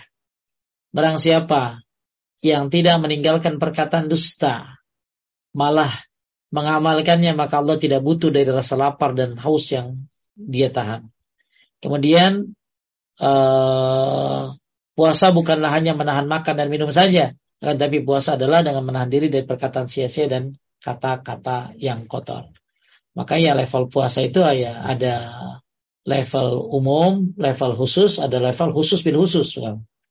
Kalau level umum ya nahan lapar aus doang. Kalau level khusus VIP itu bukan hanya lapar dan aus, tapi juga nahan apa? nahan mata, ya, lisan, tangan. Nah, kalau level VVIV bukan hanya lapar, haus, mata, lisan, tapi juga hati. Ya, dari hasad, dari dengki, dari sombong. Ya, mudah-mudahan ya jangan sampai pesawat VVIP tapi puasanya puasa reguler ya puasa gila naik pesawat maunya VVIP gitu ya tapi giliran puasa reguler baik gitu ya nggak pernah nggak pernah VIP, nggak pernah VIP. Taib, lanjut nomor 16. Uh, 16 melakukan sholat, sholat sunnah duha minimal dua rakaat, maksimalnya tidak dibatasi. Waktu sholat duha dimulai dari setelah matahari meninggi 15 menit setelah matahari terbit hingga mendekati waktu zawal atau 15 menit sebelum zuhur. Tapi tadi syuruk itu ya duha awal ya. Nanti Anda mau sholat. Tapi kalau syuruk ya duha dua. Kalau habis apa 15 menit setelah suruk Anda sholat yang dapat umroh itu ya dua rakaat aja kan ya jangan empat hmm. Nanti di waktu jam 9 jam 10 atau di duha afdal duha afdal itu ya lagi panas-panasnya jam 10-an gitu ya Anda boleh tambahin tuh kalau Syafi'i Ahmad Malik itu 8 rakaat maksimal kan tapi kalau Abu Hanifah 12 rakaat tapi kalau pendapat yang lain bebas tak terbatas. Ya mau 40 juga nggak apa-apa. Yang penting dua salam, dua salam. Maka dan sholat duha ini adalah sholat bukan hanya uh, sholat duha ini termasuk sholat wabin. Sholat yang orang-orang kembali kepada Allah. Sholat duha ini akan dicukupkan oleh Allah Subhanahu Wa Taala. Sholat duha ini adalah sedekah bagi 360 sendi.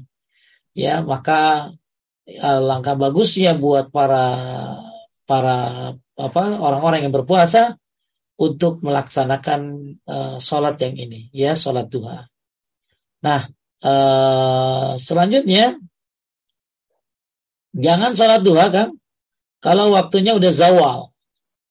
Kapan zawal itu? Sekitar 10 atau 5 menit sebelum waktu uh, waktu zawal ya.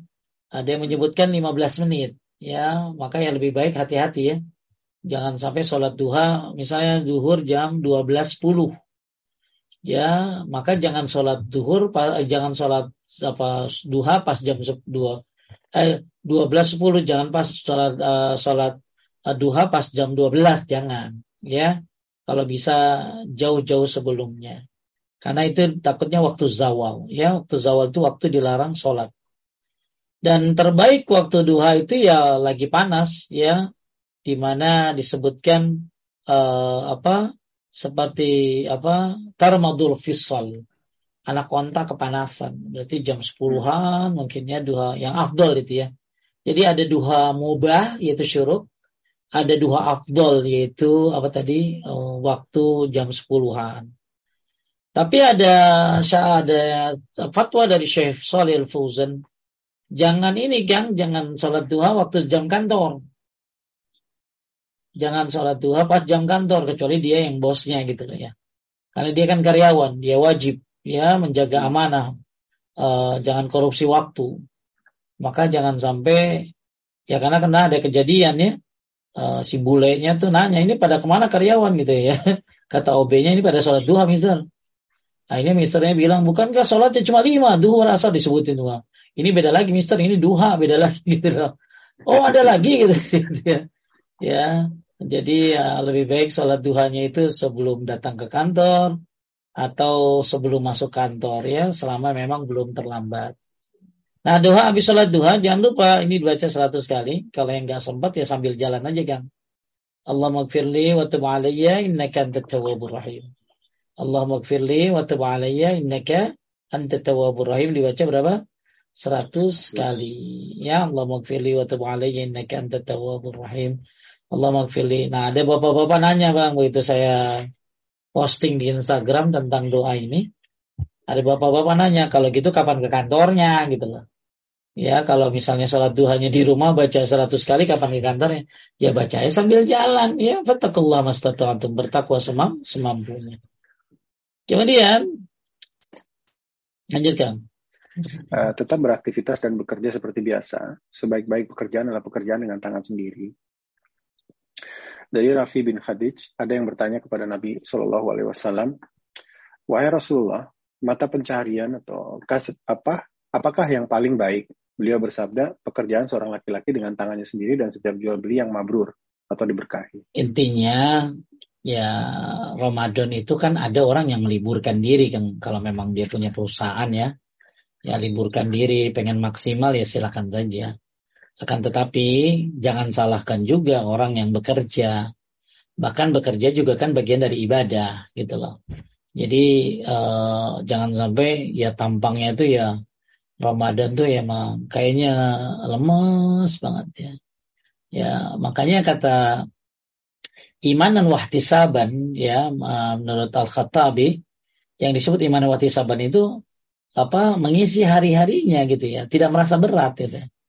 Jadi hmm. jangan kayak orang apa ya, kayak orang sawan gitu loh, dengong hmm. aja. Kenapa Kang? Ya gimana apa?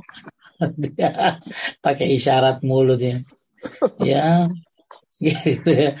ya jadi nyantai aja lah ya nyantai profesional tuh ya hmm. kan makanya dibiasain dari bulan Syaban ya jadi tetap bekerja. Bahkan ya Kang, ini mah ini aja ya, uh, sekedar sharing. Saya waktu itu tentang orang yang bekerja lagi kan akan mungkin sunnahnya itikaf di 10 hari terakhir kan. Ya, itikaf. Nah sekarang gimana kalau ada yang tetap kerja karena memang belum libur gitu Kang. Ya, maka jawaban dari Syekh Fauzan ya bagus sekali. Bekerja itu wajib, itikaf itu sunnah gitu loh. Hmm. Bekerja itu wajib, itikaf sunnah. Maksudnya yang bisa itikaf ya silakan, jangan sombong gitu loh. Ya, yang memang jangan ngelihat jangan sampai ngelihat yang kerja astagfirullah kebetulannya ya. Ya ya karena kan ya hati-hati ya kan godaan orang yang rajin begitu kan ya. Orang rajin tuh godaannya kan sombong gitu loh. Hmm. maka yang bisa bisa yang udah libur ya silakan itikaf. Tapi yang gak libur ya dia harus kerja ya bagi-bagi waktu aja kapan dia bisa itikaf walaupun sebentar. Jadi kalau saya Fauzan termasuk yang ber kayak apa berpendapat itikaf itu bisa walaupun sebentar gitu kan. Ya, yang penting akan niatin aja dalam hati itikaf ya walaupun sebentar. Ya tapi walaupun ada itikaf yang afdal yaitu 10 hari terakhir Ramadan, ya ya jangan pulang-pulang sampai Idul Fitri. Taib. Jadi mudah-mudahan uh, puasa ini tidak mengganggu aktivitas sehari-hari seperti yang bekerja. Silakan ya. Kemudian ke 18 aja Kang. 18 memperbanyak sedekah pada bulan Ramadan karena keutamanya sangat luar biasa dibanding dengan sedekah pada bulan lainnya. Baik, sampai-sampai Nabi itu ajwadu bil khairi minar rihil mursalah. Ajwadu bil khair Nabi itu semangat dalam melakukan kebaikan. Seperti apa? Minar rihil mursalah. Seperti angin yang bertiup. Masya Allah ya. Ajwad bil khair. Nabi itu semangat dalam berbuat kebaikan. Di bulan Ramadan. Bagikan angin yang bertiup. Ya, nah inilah bagaimana ya sedekah ya banyakin. Cuma saya kadang-kadang ada gini kan oh apa santunan, tapi ternyata bukan sedekah itu mah zakat. Hmm. Ya kan kalau zakat memang wajib ya. Ya, tapi yang lebih zakat ya wajib tentu harus dikeluarkan. Tapi kalau Anda pengen dapat tambahan ya sedekah gitu ya. Sedekah. Dan uh, sedekah ini ya Masya Allah bagus banget apalagi dilakukan bulan Ramadan. Tapi nanti Kang ya, bulan Ramadan tuh anak yatim tuh sampai pada bukan sombong ya banyak jadwal gitu kan. Anak yatim tuh sampai banyak jadwal ya. Jadwal apa? Jadwal undangan gitu lah ya. Jadwal apa sih? Jadwal uh, apa? Jadwal buka puasa, ya santunan. Sampai-sampai dia pakai target gitu loh ya, pakai target. Uh, apa? Uh, oh, nggak bisa, udah penuh gitu ya. Ini jangan heran yeah, tuh nanti kalau anak-anak yatim pada pada pada, pada ini ya tapi ya perlu saya ingatkan, kalau kita memang sedekah ya jangan minta doa ya Kang ya. Jangan minta doa. Karena doa itu kan balasan. Sedangkan balasan itu milik Allah, milik Allah Subhanahu wa taala. Jadi intinya ya um, sedekah ya sedekah saja ya. Gak usah gak usah doain ya biar kami jadi yang samara barokah wisata kayak nama travel gitu ya. Ya, jadi jadi ya nggak usah minta didoain. Tapi kalau didoain tanpa pengetahuan kita ya boleh-boleh saya silakan ya. Tapi kemudian nomor 19. Uh, memperbanyak membaca Al-Quran dengan memanfaatkan waktu senggang seperti saat berada dalam antrian panjang dan istirahat kerja. Dari Abdullah ibn Amr, uh, ia berkata bahwa Rasulullah SAW bersabda, bacalah atau khatamkanlah Al-Quran, khatamkanlah Al-Quran dengan sebulan Abdullah bin Amr lalu berkata, Aku mampu menambah lebih dari itu. Beliau pun bersabda, bacalah, hatam, hatamkanlah Al-Quran dalam tujuh hari. Jangan lebih daripada itu. Terus? Uh, Bukhari membawakan judul bab untuk hadis ini. bab berapa banyak membaca Al-Quran, lalu beliau membawakan firman Allah, maka bacalah apa yang mudah bagimu dari Al-Quran. Baik. Jadi Ibnu Hajar menukil berkata Imam Nawawi, Imam Nawawi berkata kebanyakan ulama berpendapat bahwa tidak ada batasan hari dalam mengatakan Al-Quran. Semuanya tergantung pada semangat dan kekuatan dan ini berbeda pada beda satu orang lainnya terlihat dari uh, dari kondisi dan, dan personnya.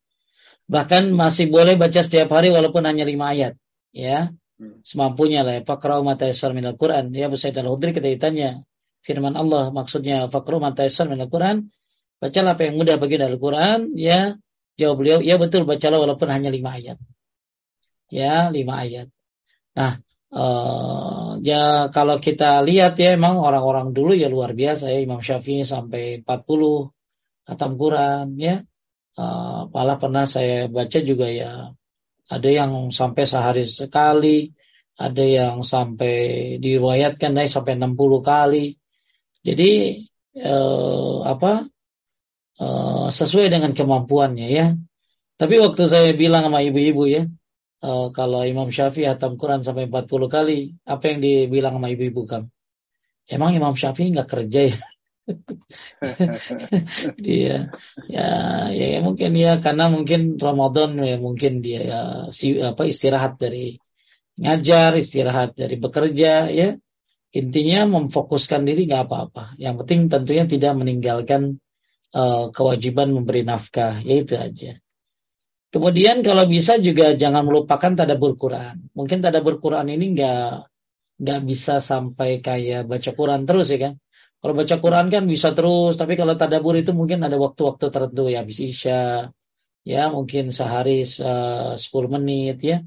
Jadi uh, kalau hatam Quran sesuai dengan kondisi seseorang, bisa ya Bu Ramadan bisa sekali, bisa lebih. Ya bahkan kalau orang-orang dulu ya lebih dahsyat ya. Lebih dahsyat lagi dalam menghatamkan Quran sesuai dengan kesanggupannya. Walaupun cuma berapa ayat tadi kan? Lima ayat. Lima ayat ya. Jadi Abu Sa'id Al-Hudri ditanya tentang faraturau mata yasra al Quran. Ya, bacalah yang mudah dari Al-Quran. Beliau bilang, ya betul, bacalah walaupun hanya lima ayat. Insya Allah ya mudah-mudahan kita lebih ya, lebih ya. Kemudian, uh, tapi ada juga yang nanya gini, Gang, bagusnya gimana Pak Ustadz? Nerusin yang sudah dibacakan, tentunya Bapak Ibu kan sudah baca Quran dari sekarang kan ya. Nanti pas Ramadan terusin apa dari awal? Ya terusin aja Bu, ya terusin aja. Ada juga yang bertanya, uh, bagusan mana tadabur apa baca ya? yang ya, intinya ya baca bagus ya tadabur juga bagus ya jadi kalau bisa banyakin baca ya tadaburnya mungkin berapa waktu ya bagus yang penting jangan lupa tadabur ya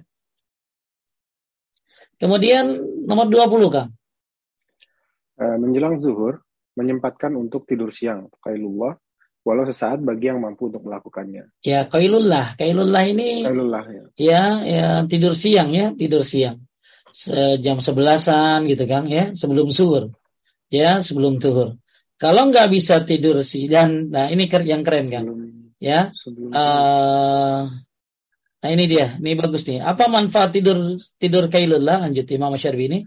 Imam Syarbini Al-Khatib menyatakan bahwa tidur kailullah adalah tidur sebelum zawal matahari tergelincir ke barat ibaratnya itu seperti sahur bagi orang yang berpuasa. Ya, ya. ya. Jadi maksudnya berarti tidur siang ini akan semakin menguatkan aktivitas ibadah. Jadi perkataan yang indah nih, Kang. Jadi eh, kailullah ini kayak kayak sahur gitu ya. Ya, hmm. kayak sahur bagi orang yang puasa. Jadi tidur yang berkualitas biasa jam segitu tuh. Ya, maka kayak orang sahur kedudukannya. Kenapa? Semakin menguatkan aktivitas ibadah. Nah ini jam uh, sebelum zawal pokoknya ya, mungkin jam 11 sampai jam 12 ya, yang penting tetap sholat zuhur di masjid. Ketika azan zuhur lakukan lima amalan ketika mendengar azan, ya kita udah bahas ini. Amalannya sama, ya yang lima tadi ya Kang ya, masih ingat ya?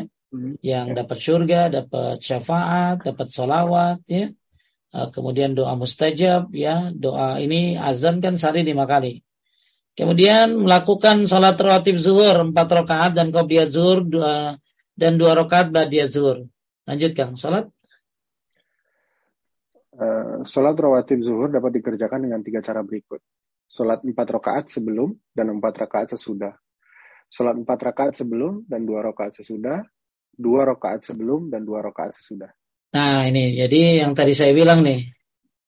Man hafaza ala arba'in rakaatin qabla duhri wa arba'in ba'da haramallahu ala haruma ala nar. Siapa yang menjaga salat empat rakaat sebelum duhur dan dua rakaat empat rakaat setelahnya maka Allah mengharamkan neraka. Ya, maka kalau nggak bisa ya empat kalau bagus empat empat empat empat ini dua dua ya dua salam dua salam. Kalau nggak bisa ya empat dua ya berdasarkan hadis ini ya uh, apa dapat rumah di surga. Kemudian kalau misalnya apa nggak bisa juga ya sepuluh Ya, jadi Anda bisa lakukan dua-dua, dua belas, sepuluh. Ya. Kemudian yang dua tiga istirahat habis zuhur kalau yang belum kailulah kan. Ya, jangan kailulah mulu gitu kan. kailulahnya sebelum zuhur aja gitu ya. Ya, jadi kalau habis zuhur yang belum ya silakan tidur apa? Tidur tidur apa? Tidur siang ya. Kalau yang misalnya udah tidur siang ya bisa baca aktivitas lagi yang lain ya. Bisa menuntut ilmu bisa tilawah Quran ya. Atau ya menyiapkan buka puasa. Tapi masih lama kan buka puasa ya. Nah, tapi aktivitas pada waktu asar apa tuh aktivitas waktu asar? Lanjutkan ketika masuk asar menjawab kumandang azan dan melakukan amalan seperti pada poin ke-8 setelah itu melaksanakan sholat sunnah qobliyah asar dua atau empat rakaat Salat ini tidak termasuk dalam salat rawatib 12 rakaat dalam sehari yang disebutkan sebelumnya. Nah, ini hadisnya Kang Rasulullah wasallam karena yang seli rakaat qabla asyar dia melakukan dua rakaat qabla asar. Boleh ya, walaupun tidak muakkad, tidak ditekankan. Bahkan ini tadi rahimahullah imran qabla asyar ban semoga Allah merahmati. Apa tuh? Orang yang mengerjakan salat qabla asar sebanyak berapa? Empat rakaat ya. Ya, tapi gimana caranya? Caranya ya dua rakaat, dua rakaat ya. Kemudian uh, selanjutnya 25 nggak ada sholat habis asar ya uh, apa jangan badi asar ya saya pernah ada orang badi asar lalu saya tanya bapak sholat apa habis asar oh tadi asar ya kira saya duhur ya nanti dia lupa ya, oh dia lupa ya selain saya tadi imamnya sholat duhur makanya saya sholat badi ya gitu oh parah juga itu lupanya Kemudian uh, apa? selanjutnya amalan aktivitas menjelang berbuka. Nah, ini dia. Ya. Lanjutkan. Persiapkan makanan buka puasa untuk orang-orang yang akan berbuka di masjid-masjid terdekat atau bisa menjadi bagian dari panitia pengurusan buka puasa di masjid. Ya, namanya jangan takjil ya, Kang. Namanya iftar gitu ya. Iftar. Takjil mati segera, segera gitu bukan kolang kaling gitu ya. Jadi tajil itu segera buka gitu loh ya, bukan kolak gitu. Jadi iya, namanya jadwal iftar, jadwal iftar. Nah ini keutamaannya nih. Siapa lanjutkan? Uh, siapa memberi makan orang yang berpuasa, maka baginya pahala seperti orang yang berpuasa tersebut, tanpa mengurangi pahala orang yang berpuasa itu sedikit. Masya Allah. Kita kan kalau puasa sendiri aja udah payah. Tapi gimana caranya kita dapat pahala dari 20 orang, 30 orang, 50 orang. Itu dengan cara ngasih makan orang yang berbuka puasa. Ya Masya Allah nih. Kita kita puasa cuma satu. Tapi pahalanya bisa 100 dari orang yang kita kasih minuman. Dari orang yang kita kasih makanan. Ya makanya Masya Allah ini pahala yang bagus dapat dari orang yang puasa. Ya, Nah ini keutamaannya nih. Lanjutkan muslim mana? Uh, muslim mana saja yang memberi pakaian orang Islam lain yang tidak memiliki pakaian. Niscaya Allah akan memberinya pakaian dari hijaunya surga. Muslim mana saja yang memberi makan orang Islam yang kelaparan, niscaya Allah akan memberinya makanan dari buah-buahan di surga. Lalu muslim mana saja uh, yang memberi minum orang yang kehausan, niscaya Allah akan memberinya minuman ar-rahiq al-maktum Rahik al mahtum itu khomer yang khomer yang halal ya, yang dilak ya. Jadi intinya uh, bagus orang suka ngasih makan, minum buat orang yang membutuhkan, khususnya orang yang berpuasa. Insya Allah pahalanya besar ya. khamar uh, rahim water itu arak ya, arak di surga ya itu halal. Kemudian nomor 27 ya jadi kalau tadi ngasih makanan kemudian bermajlis ilmu menjelang berbuka demi mengisi waktu luang. Mungkin ada kajian-kajian ya sore ya. jam 4 menjelang buka puasa ya. Uh, ya entah online, offline tentunya uh, malah kalau ya offline ya bagus buat perempuan ya dia nggak perlu keluar ya Kang ya nggak perlu macet-macetan ya uh, dari berbagai orang dan bisa banyak lagi.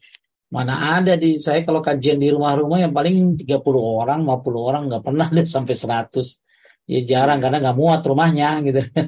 nggak muat rumahnya. Apalagi sampai 300, 200.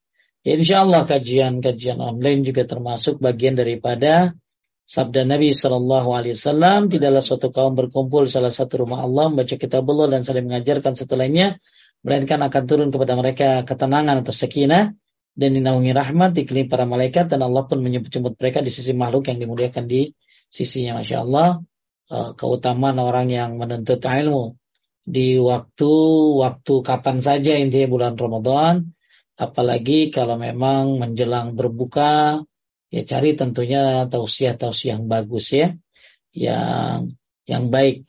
Kemudian nah ini jangan lupa kalau lagi buka ya sibukkan diri dengan doa ketika menunggu berbuka ya. Jadi jangan liatin pisang we udah tanpa busana tuh pisang ya. Ya uh, wah dia we di depan meja makan gitu ya begitu beduk buka bukan beduk tanda buka teh ajan lain beduk gitu ya Nah, baru Allahu Akbar, wah udah kolak udah satu piring ya, baru Allahu Akbar. Dan ada pesan dari Syekh, saya pesan dari Syekh Fauzan yang walaupun sambil makan buka, jangan lupa dengerin azan gang. Ya sambil mendengarkan azan, ya kan tetap bisa jawab gitu loh. Kemudian memenuhi adab-adab yang uh, buka berbuka apa aja? Pertama lanjutkan menyegerakan nggak kedengaran sore? Afwan, baru, baru uh, menyegerakan berbuka puasa. Dari Sahal bin Sa'ad, Rasulullah bersabda, manusia akan senantiasa berada dalam kebaikan selama mereka menyegerakan berbuka. Nah, gimana kalau nggak ada bukanya, Kang? Di mobil macet, nggak bawa air? Ya karena mungkin makan minum air radiator. Ya, gimana kalau apa nggak ada buka, nggak ada makanan, nggak ada minuman? Maka kata Syekh Utsaimin niatkan, ya Allah aku batalkan puasaku. Nah, diniatin ya, niatin batal puasanya. Kalau nggak ada buat berbuka, ya. Nelan ludah juga sakit kan udah habis kan ludahnya. Kemudian um, berbuka dengan rutab, ya. Rutab ini kurma yang masih basah, tamar kurma kering, ya, atau seteguk air. Kemudian ya jangan lupa ya baca belum buka baca bismillah ya. Baca bismillah uh, kemudian berdoa. Zahabad domau wa batallatil uruku wa sabatal ajru insyaallah. Ya ini yang yang lebih baik ya yang lebih baik ya lebih baik uh, dicatatkan hadisnya hasan tapi kalau Allah malaka sumtu wa bika amantu wa rizki uqtatu bi rahmatika itu riwayatnya sangat lemah ya dhaif jiddan jadi kalau ini Hasan ya, nggak ada yang sahih kan, hanya Hasan yang ada. Zahabat doma'u wa batallatil uruq wa sabatal ajru insyaallah. Ini doa ketika berbuka puasa. Ya, kemudian nah ini kalau buat orang yang dikasih makanan kan. Hmm. Jadi bagi bapak-bapak, ibu-ibu yang berhenti di masjid, kemudian dapat makanan dari dona do, dari orang-orang baik yang ngasih minum, ngasih makan, jangan lupa doain buat orang yang yang apa? buat orang yang ngasih. Gimana doanya ini kan? Ya, ketika Nabi SAW diberi minum, beliau pun mengangkat kepalanya ke langit dan mengucapkan, Allahumma at'im man at'amani waski man sakani. Ya. Jadi artinya Allah berilah ganti makan orang yang beri makan padaku dan berilah minuman dari orang yang beri minuman padaku. Ini doa kang bagus disosialisasikan kan di masjid-masjid ya. Uh, di mungkin apa di masjid-masjid disosialisasikan. Bisa taruh di kertas ya. Uh, bisa taruh di box ya Kang ya di box. Ya tujuannya bukan kita minta doa tapi supaya menyebar sunnah Rasul ini. Jadi buat yang apa yang apa yang buka dikasih orang ya maka doakanlah orang yang memberi. Tapi yang memberi nggak usah ngarepin. Ya, yang memberi nggak usah ngarepin. Nah ini doanya, ya e, jarang yang hafal biasanya. Padahal makan dibayarin mulu kan, kagak hafal, yang kagak tahu diri itu teman ya. Jadi kalau yang sering ditraktir ya harusnya tahu doa itu gitu ya.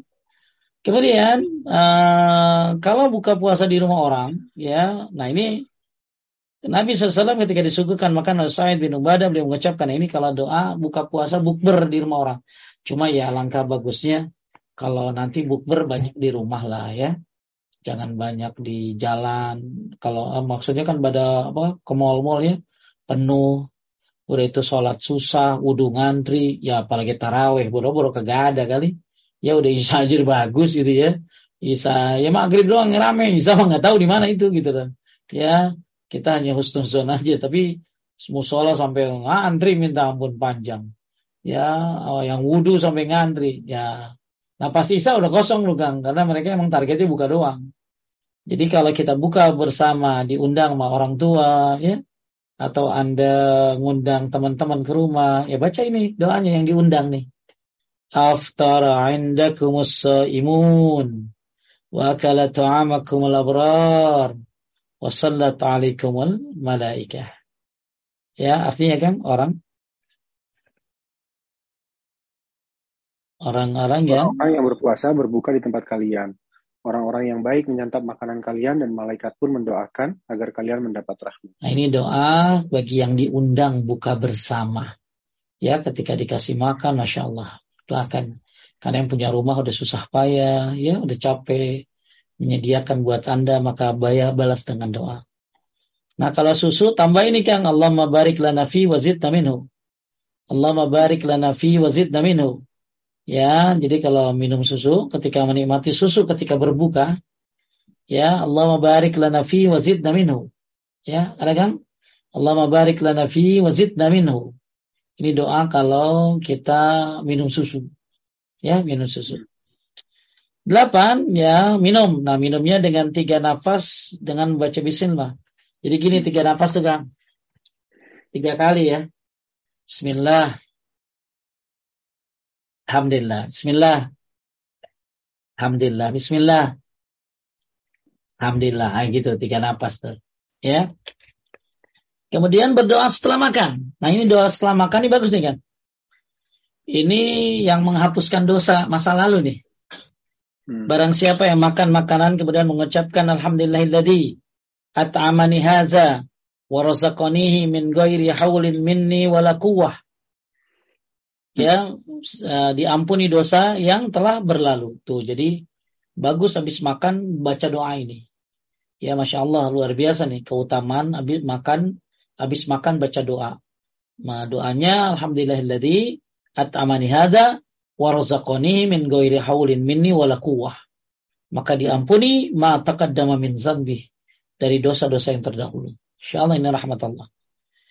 Kemudian uh, ya minimal baca alhamdulillah itu aja. Kemudian masih aktivitas pada waktu maghrib ya biasa dengar azan, jangan lupa sholat maghrib berjamaah. Kemudian qobliyah maghrib tadi udah diterangin, boleh. Badiah maghrib lebih ditekankan, qobliyah maghrib boleh. Kemudian kalau misalnya belum zikir pagi petang, boleh Kang. Habis maghrib ya, penulis termasuk berpendapat yang bagus habis maghrib.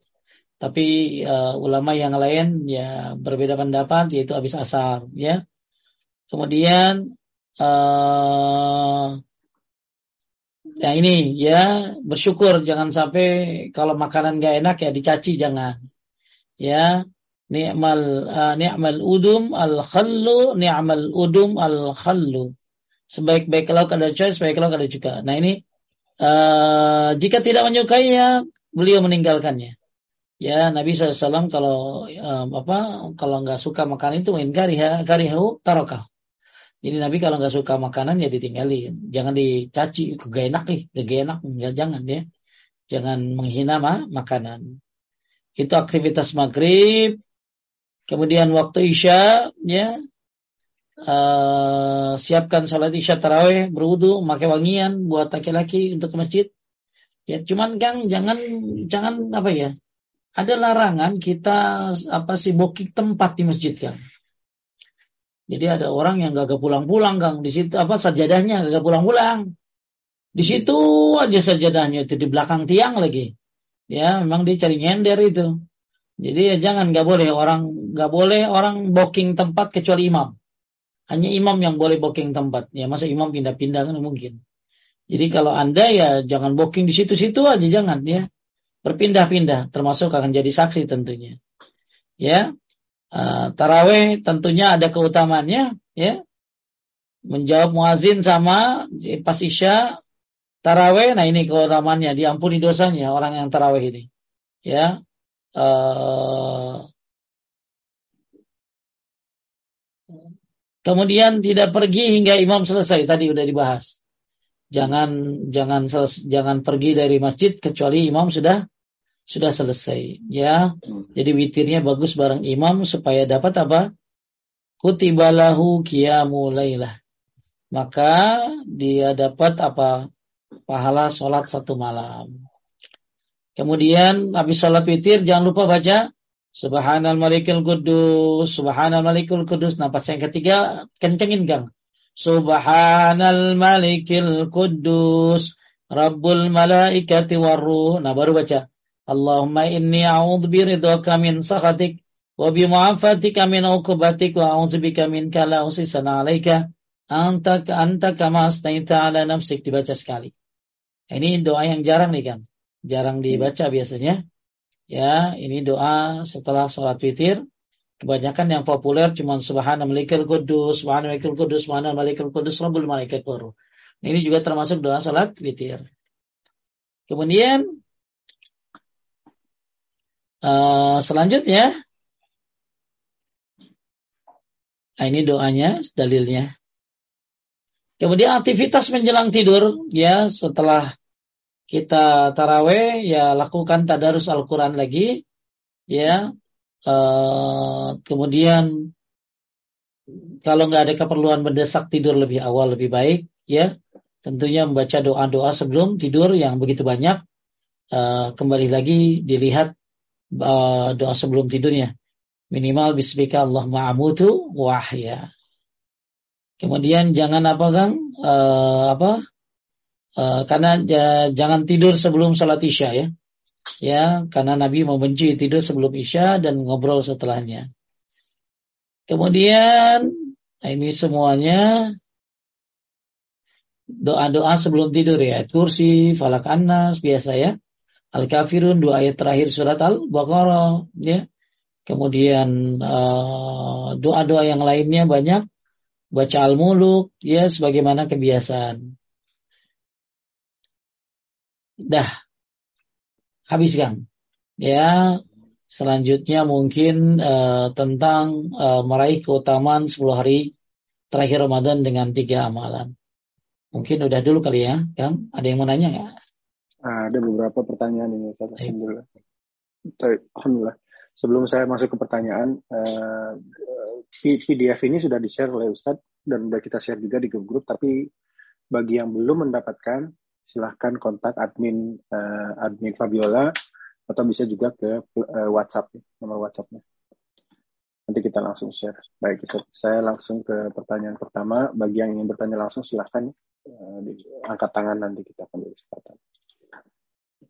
Uh, ini pertama. Assalamualaikum warahmatullahi wabarakatuh. Yang bertanya Ustaz, ada ada yang berkeyakinan kalau nggak sahur berarti nggak sah puasanya. Uh, betul Ustaz? Enggak gitu ya, enggak enggak begitu. Yang yang enggak sah itu kalau enggak niat. Kalau enggak niat ya enggak sah. Kalau puasa wajib ya. Tapi kalau untuk apa? Untuk apa tadi sahur itu sunnah muakkad yang sangat ditekankan. Kalau dia nggak sahur nggak apa-apa. Cuman kehilangan tadi kan, kehilangan apa? Kehilangan berkah, kehilangan doa dari salawat dari Allah dan malaikatnya, ya kehilangan pembeda, Nah, dan ditakutkan nanti nggak kuat gitu ya puasanya. Jadi kalau dia akhirnya jadi nggak kuat ya kan salah dia tuh jadinya. Ya, ya. jadi tetap sah ya. Lanjut. Berikutnya Assalamualaikum Ustaz, izin bertanya, bagaimana menanggap, menanggapi saran seorang dokter untuk tidur cukup dikarenakan seseorang menderita penyakit darah tinggi yang ditakutkan akan kambuh jika tidur telat atau tidak cukup. Ini dalam kaitannya dengan sholat qiyamul lail tadi. Sebenarnya qiyamul lail itu bisa bisa bisa dilakukan di awal ya Kang ya. Kalau di bulan Syaban ini Anda bisa qiyamul lail habis isya nggak apa-apa ya. Cuma qiyamul lail itu ada yang afdol. Yang afdol itu ya tengah malam, apa sepertiga malam. Tapi e, kalau dilihat Nabi itu pernah sholat di awal, di tengah, di akhir gitu. Jadi semua waktu bagus. Yang penting habis isya gitu loh. Jadi ya. kalau misalnya Anda memang sakit, yang memang harus tidur lebih cepat, ya nggak uh, bisa qiyamul lail, maka Anda bisa lakukan hal-hal yang yang penggantinya lah gitu Kang ya. Seperti membaca dua ayat terakhir surat Al-Baqarah sebelum tidur ya. Kemudian bisa sedekah dilebihin Kang. Sedekah dilebihin. Uh, misalnya buka puasanya dilebihin ya karena gini Kang. Kalau kita ada kekurangan dalam amal kita tentunya kalau bisa ada lebih dalam amal yang lain gitu loh. Ya. Jangan udah kurang di A, kurang di B, kurang di C, semuanya kurang. Misalnya kita kurang di qiyamul lail, maka mudah-mudahan kita besar di sedekah. Ya, kalau kita kurang di sedekah ya karena mungkin keterbatasan rezeki apa, keterbatasan uang, maka kita bisa lebih di qiyamul lail gitu. Jadi Anda bisa komplitkan dengan amal-amal yang lain. Tapi insya Allah kalau Anda sudah terbiasa melakukan amalan-amalan soleh sebelum sakit, maka ketika sakit Anda nggak bisa melakukannya karena dokter ahlinya disuruh untuk tidur lebih cepat, maka Anda tetap dapat pahalanya. Karena sudah jadi kebiasaan sebelum Anda sakit kan. Iza maridul abdu aw safara kutiba lahu makana bihi mukiman sahihan. Orang kalau sakit pahalanya dihitung lagi sehat. Orang kalau musafir pahalanya dihitung lagi mukim. Ya semoga cepat sehat, tapi intinya uh, kalau, kalau di mana kekurangan kita sempurnakan dengan cara melakukan hal-hal yang positif tentunya sebagai penyempurna yang tidak kita lakukan. Lanjut. Uh, nomor tiga nih, Assalamualaikum warahmatullahi wabarakatuh. Uh, bolehkah membayar fidyah kita titipkan uangnya kepada yayasan yang biasa menerima dan menyalurkannya, agar nantinya oleh mereka akan dibuatkan makanan untuk diberikan kepada fakir miskin? Dan bolehkah kita bayarkan pada saat Ramadan sekaligus untuk satu bulan, Ustaz? Oh, boleh, boleh semuanya. Yang utama sih sebenarnya makanan dari kita. Ya, makanan dari kita, baik makanan matang atau makanan mentah Maksudnya kalau mentah bagus ada apa ada lauknya ya, ada penunjangnya. Jangan beras doang, nggak ada nggak ada yang lainnya. Tapi kalau yang matang lebih gampang, sebagaimana dilakukan oleh Anas bin Malik, dia ketika nggak bisa puasa satu bulan, dia panggil 30 orang untuk makan di rumahnya, uh, lalu uh, sampai kenyang. Ya itu yang utama ya. Tapi kalau nggak bisa karena anda nggak sempat, ya titip tolong belikan makanan ya tolong dirikan makanannya. Vidya nih Bu, maaf saya nggak sempet. Jadi kalau memang Anda sempet ya bagus, belikan makanannya langsung gitu ya.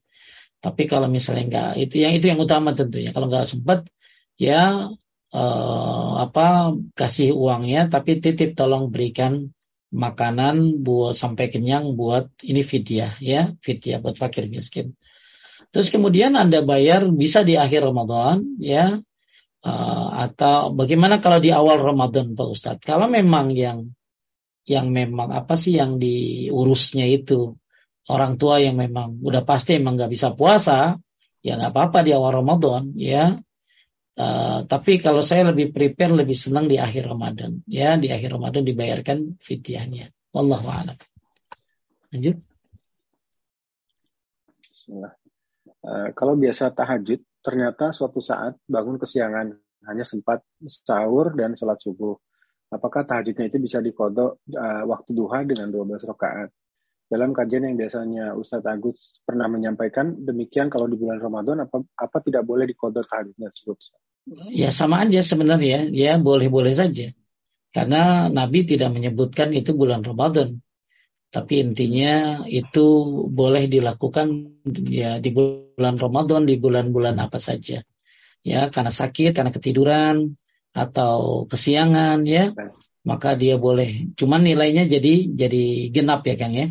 Witirnya jadi genap. Hmm. Yang tadinya witirnya satu jadi dua, yang tadi tiga jadi empat. Ya, lanjut. Uh, mohon bertanya Pak Ustadz, kalau kita minta doa-doa dari sahabat-sahabat bolehkah? Sahabat siapa maksudnya? Sahabatnya dia gitu, sahabat yang minta doa gitu. Atau sahabat doain. Iya. Uh, boleh saja ya, silakan minta doa dari siapa pun, apalagi dia yang soleh ya. Kita nggak tahu dari hmm. lisan mana doa itu akan mustajab, ya. Hmm. Jadi kalau kita minta tolong doain ya, boleh nggak apa-apa, ya. Tolong doain ya, apalagi sama orang yang umroh ya, asyrik nafi doain. Sertakan kami dalam doamu. Uh, nggak apa-apa. Uh, sampai uh, apalagi sama orang tua ya, sama orang tua tentunya lebih bagus lagi minta doa sama orang tua. Nggak apa-apa. Lanjut. Uh, Assalamualaikum Ustaz. Uh, kami di Jerman ada grup pengajian muslimah yang tiap Ramadan tadarusan tiap hari via Zoom. Jam 10 sampai jam 12. Satu hari baca satu juz bergiliran. Anggapannya untuk memotivasi khatam Quran 30 juz. Bagaimana menurut Ustaz? Ini baca Quran juga, tapi bukan hatam tentunya. Kalau hatam itu ya satu orang baca sampai selesai ya.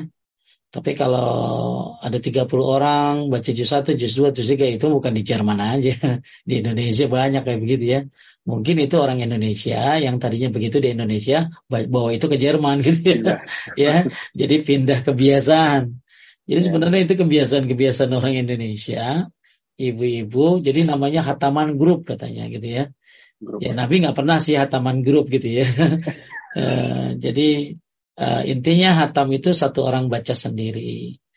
Uh, yang uh, tapi kalau misalnya di, dianggap hatam bukan, tapi dianggap baca iya. Itu tetap baca Quran juga ya, tapi nggak ya. hatam ya. Dan kan hatam grup Pak Ustadz ya. Kalau hatam mah nggak ada grup-grupan, hatam mah pribadi ya pribadi. Jadi intinya itu baca Quran, tapi bukan hatam. Dan itu bukan kebiasaan orang Jerman itu kebiasaan orang Indonesia yang dibawa ke Jerman. baik, baik. baik Mbak Tati, mangga Mbak Tati di Assalamualaikum Ustaz. Assalamualaikum warahmatullahi wabarakatuh Mbak, silakan. Masya Allah. Uh, ini masalah banyak ya yang hamil, terus belum sampai selesai menyusui sudah puasa lagi, terus hamil lagi, Padahal itu masih ada waktu sebentar sebelum puasa kalau mereka mau mengembalikan puasa itu. Tapi apakah pernah dicontohkan atau ada uh, apa namanya uh, rujukan yang mana mereka dibebaskan dari itu hanya bayar uh, uh, uh, pada fakir miskin aja? Ada dari Ibnu Abbas. Dari Ibnu Abbas bayar fidyah saja. Apakah, Ya, apakah mereka itu dibebaskan tanpa berusaha uh, mengembalikan? Ya, ada dari Ibnu Abbas. Ya, jadi kalau itu ada tiga pendapat sebenarnya. Yang satu ya uh, bayar puasanya, ya. Yang dua ya bayar fidyah saja. Yang ketiga bayar apa? Bayar uh, puasa dan fidyahnya. Jadi ada satu, jadi intinya gini, di mana dia mampu, ya kalau ternyata dia mampunya ya memang puasa ya puasa. Kalau dia nggak mampu ya fidyah, ya. Jadi kalau yang bilang fidyah itu nggak ada nggak ada rujukannya tidak ya. Ibnu Abbas termasuk dari pendapat dari kitabnya Syekh Salim bin Aid dan Hilali ya itu disebutkan juga bayar fidyah. Jadi bayar fidyah ini bagi yang bisa berpuasa silakan berpuasa ya itu pun banyak pendapatnya. Bagi yang memang nggak bisa puasa, ya karena mungkin uh, waktunya atau kesibukannya atau hamil lagi keburu puasa datang, maka bayar fidyah. Jadi bayar fidyah juga ada ada rujukannya ya, yaitu dari Ibnu Ibnu Abbas radhiyallahu anhu. Oh iya.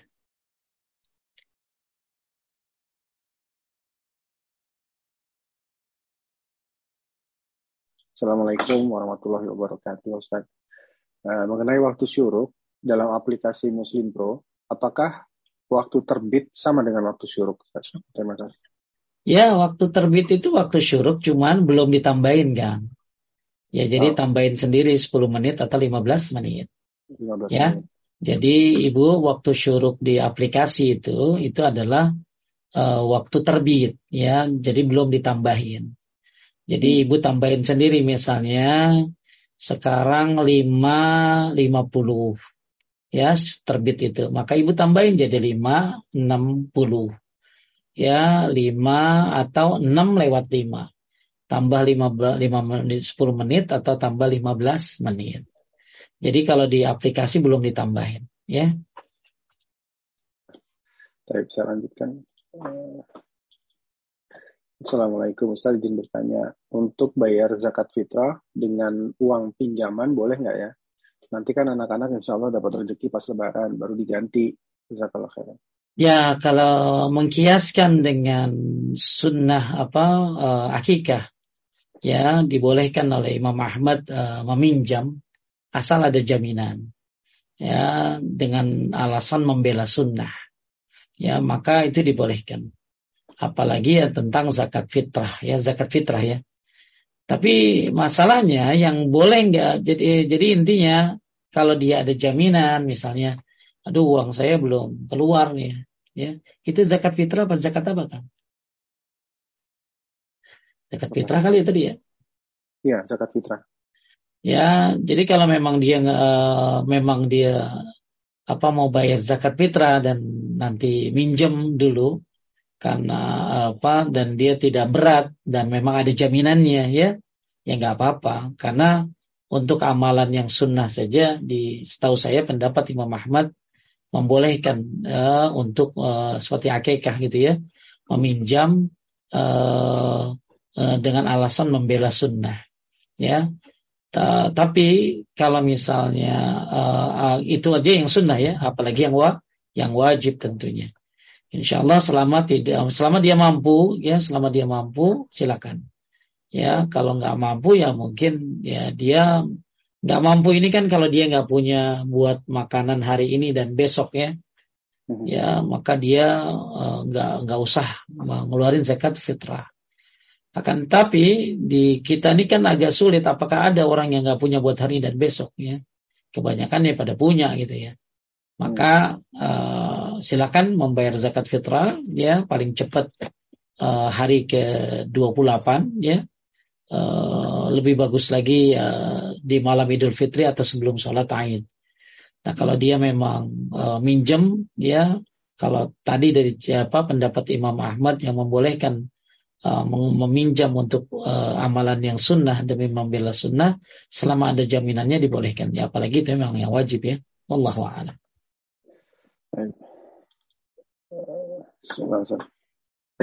Assalamualaikum Ustaz. Ingin bertanya mana yang lebih baik khatam Quran namun makharijul sifatul dan tajwidnya masih belum bisa atau tidak khatam namun berusaha keras memperbaiki makharijul sifatul dan tajwid?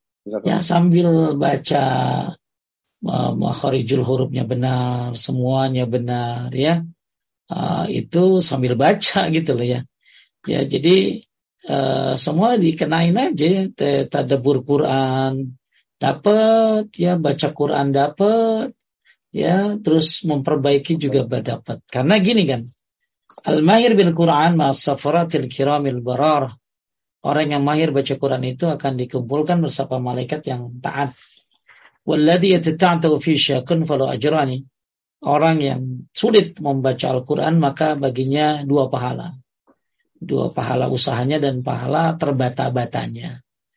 Jadi Anda sambil belajar mempelajari ya uh, sambil baca Quran sambil makharijub hurufnya dibenerin ya bahkan sekarang tinggal ada Quran yang tinggal dipencet ada tinggal ngikutin gitu ya ya sambil jalan ya sambil jalan.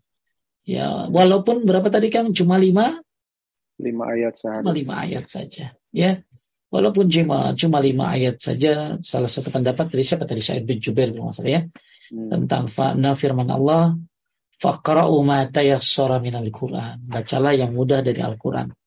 Walaupun cuma lima ayat. Ya, sambil benerin bacaannya, sambil baca juga. Ya, tadabur sekali-kali. Lanjut.